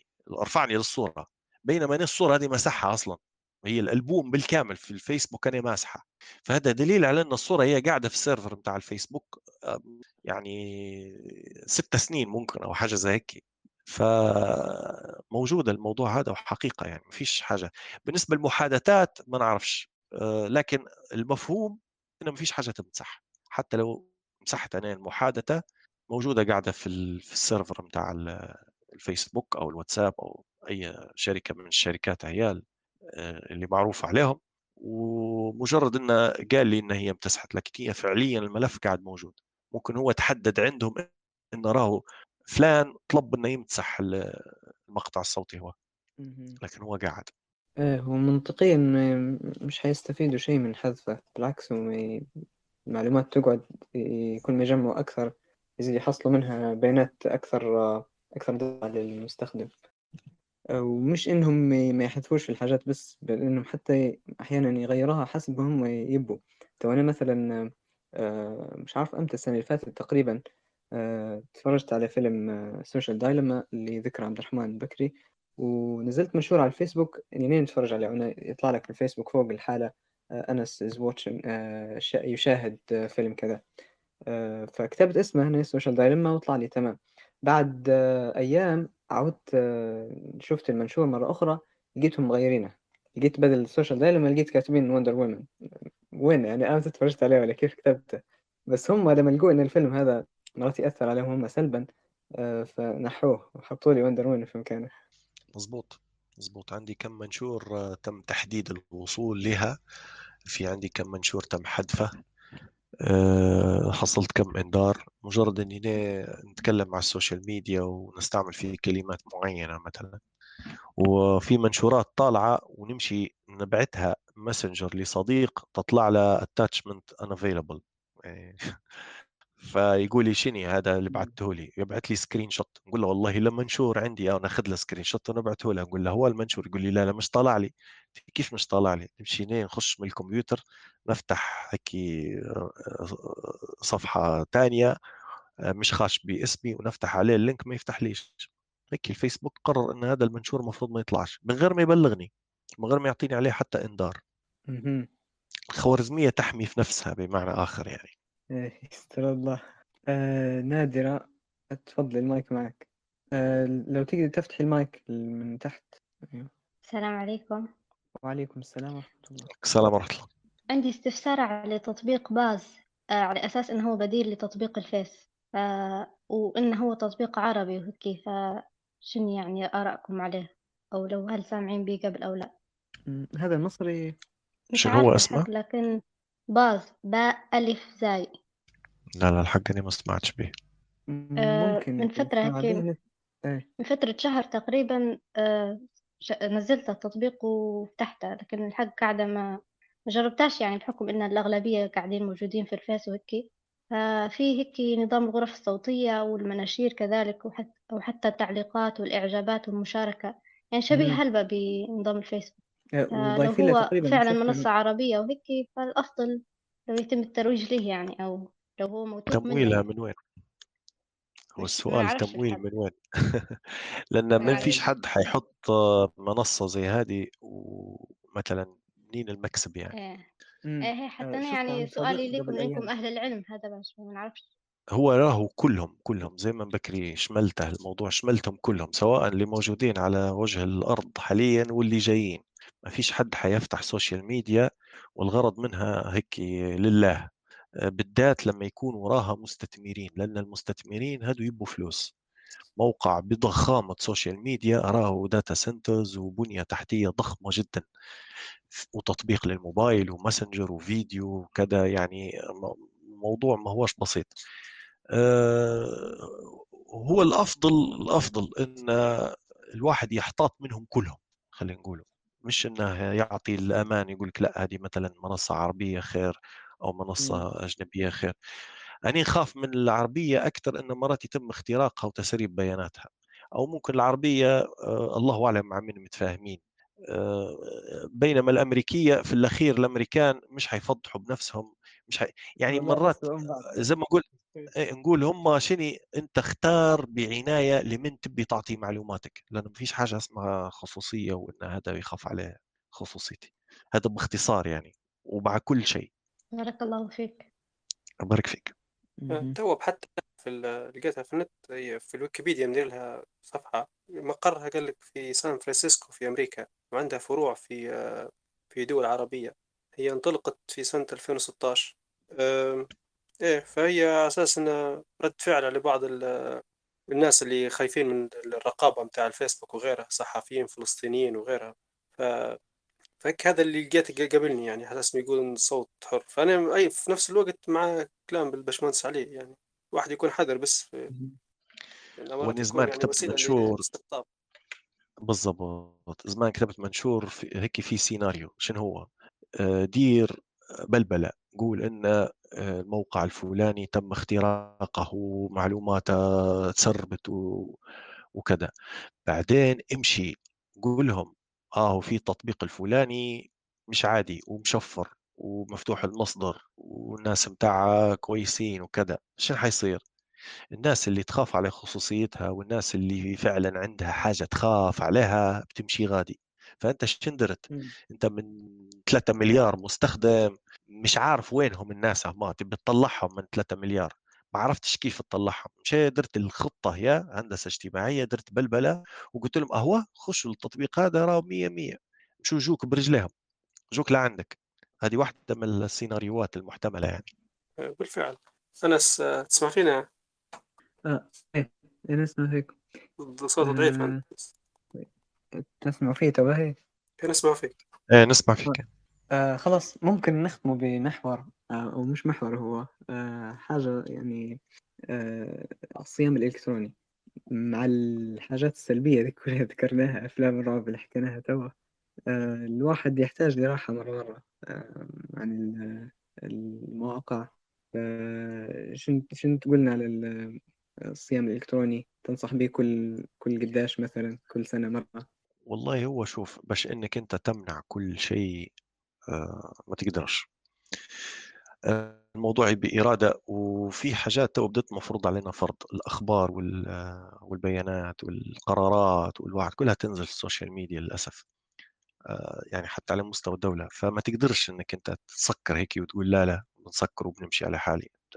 بتلقى روحك ان في هلبة حاجات آه، كان من الممكن إنك تستفيد منها استباقيا. مثلا تعرف المعلومة قبل ما قبل ما تصير مثلا أو آه، خبر معين تقراه. ففي لكن حكاية في التطبيق نفسه تليفونات الأندرويد وال iOS كلهم فيهم ال wellbeing مش عارف بالعربي شو المكتوب أنا تليفوني مدايره بالواجهه بالإنجليزي. لكن اللي هي الصحة أو حاجة زي هيك اللي هي شنو تعطيك فرصة إنك أنت تحدد ساعة معينة أو وقت معين لكل تطبيق. تجي لي تطبيق الفيسبوك تقول له أنا ساعة بس بنستعمله في النهار. فشين يصير؟ هو يبدأ يديلك زي العداد. قبل ما يجي يقول لك راه ما زالك 10 دقائق آخر 10 دقائق يعطيك تنبيه. فأنت. تعرف روحك آه، تحدد. آه، تقريبا موجود هذا في كل تليفون حاليا أندرويد أو آي أو إس. وممكن إنه واحد يستعمله ويراقب نفسه. يعني إذا كان أنت تقدر تسكر كل شيء وترحل وتصيم. تقريبا تقدر تدير آه، توقيت معين وتتحكم. مش حيكون الموضوع صعب يعني. نحس فيه أسهل من حكاية إن اسكر وأمسح وأرحل لمدة شهر. مثلا. أنا جربتها جربتها لمدة شهر مرة ما قدرتش. لقيت روحي هلبة حاجات غار علي وزلطرش في الزفة يعني من الأخير. يعني شنو هذا شنو صاير؟ وقالوا تي كيف؟ تي ما تندريش تي فلان طلع وقال وداروا هي مرات مم. حاجات تشوفها إنها مش مهمة لكن في قرارات هيك لها لها معنى إن تعرف يعني. تعرف إن الرتل الفلاني راهو على الحدود فتعرف ان تقرأ النقص راهو غدوه الصبح الصغار ما يمشوش المدرسة مثلا. على سبيل إيه المثال هذا يعني تو أول حاجة خطرت في بالي يعني. مواضيع زي هي بدت لها علاقة بالحياة نفسها يعني وحياة وموت أو مواضيع هيك تلقى روحك مضطر اضطرارا إنك أنت تقعد في ال social media هي. لكن شوية control. تمام. بارك الله فيك. آه في بارك سؤال أخير. شكله مش حيوقف تو آه سؤال آه آه، جاني كرسالة آم، تقدروا تعطونا نظرة مستق... مس- مستقبلية على مخاطر جمع البيانات؟ في عندي مقالة مثبتة في صفحتي على الفيسبوك فصلها. كل شيء. بالتفصيل. اسمها مستقبل مستقبل البشرية يقلقني. تقدر حتى تفتح جوجل آه، حيطلع لك موقعي على طويل dot LY. إيه، لقيتها موجودة على المدونة. آه لو خلاص تكتب مستقبل لو البشرية يقلقني في الجوجل حطلع لك أول نتيجة وتو جربتها. تطلع. إيه تمام. آه به معناها لو أي حد بيسألك بعدين آه بعد الحلقة آه وين يلقاك؟ والله في كل مكان موجود أنا يعني آه، على التليجرام هذا حسابي آه، إيه. حتلقوا فيه آم، يعني روابط بتاع ال social media متاعي كلها بالكامل. أنا الماسنجر متاع الفيسبوك أكثر حاجة صاير عليه زحمه نرد عليه يعني مداير توقيت معين هيك تنبيه في الموبايل متاعي نفتح مرتين في اليوم نشوف ندير check لو في حد عنده سؤال لو في في اللي نرد عليه بعد يومين ثلاثة وفي اللي رد عليه لحظيا في اللي موضوع يعني يبي إني نام قعمز له هيك ونرد عليه رد باستفاضة وفي اللي لا لا وقت يرد عليه. فعلى الأغلب آه، ماسنجر الفيسبوك متوفر عليه. أنا صفحتي عامة آه، منشوراتي كلها عامة ما عنديش هيك منشورات خاصة وأصدقاء فقط أو كذا آه، فاتح مهم. المتابعة. التعليق في صفحتي على الفيسبوك آه، لل- للأصدقاء فقط. يعني اللي يحب يعلق وكذا واحد عادي يراسلني ويقدم لي طلب صداقة نضيفها يعني. المتابعين يقروا وعادي والخاص مفتوح.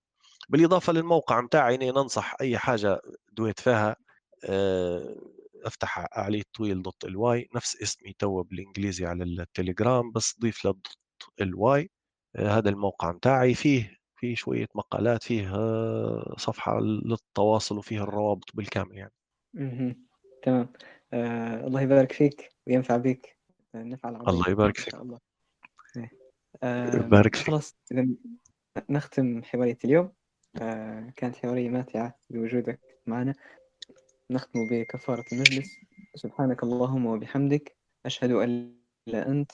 أغفرك وأتوب إليك. أعوذ بالله من الشيطان الرجيم. والعصر إن الإنسان لفي خسر إلا الذين آمنوا وعملوا الصالحات وتواصوا بالحق وتواصوا بالصبر. آه، شكرا لكل المستمعين على مشاركاتكم. واستماعكم إن شاء الله استفدتوا آه، بالقدر الكبير. آه، نلقاكم في حواريات قادمة. السلام عليكم ورحمة الله.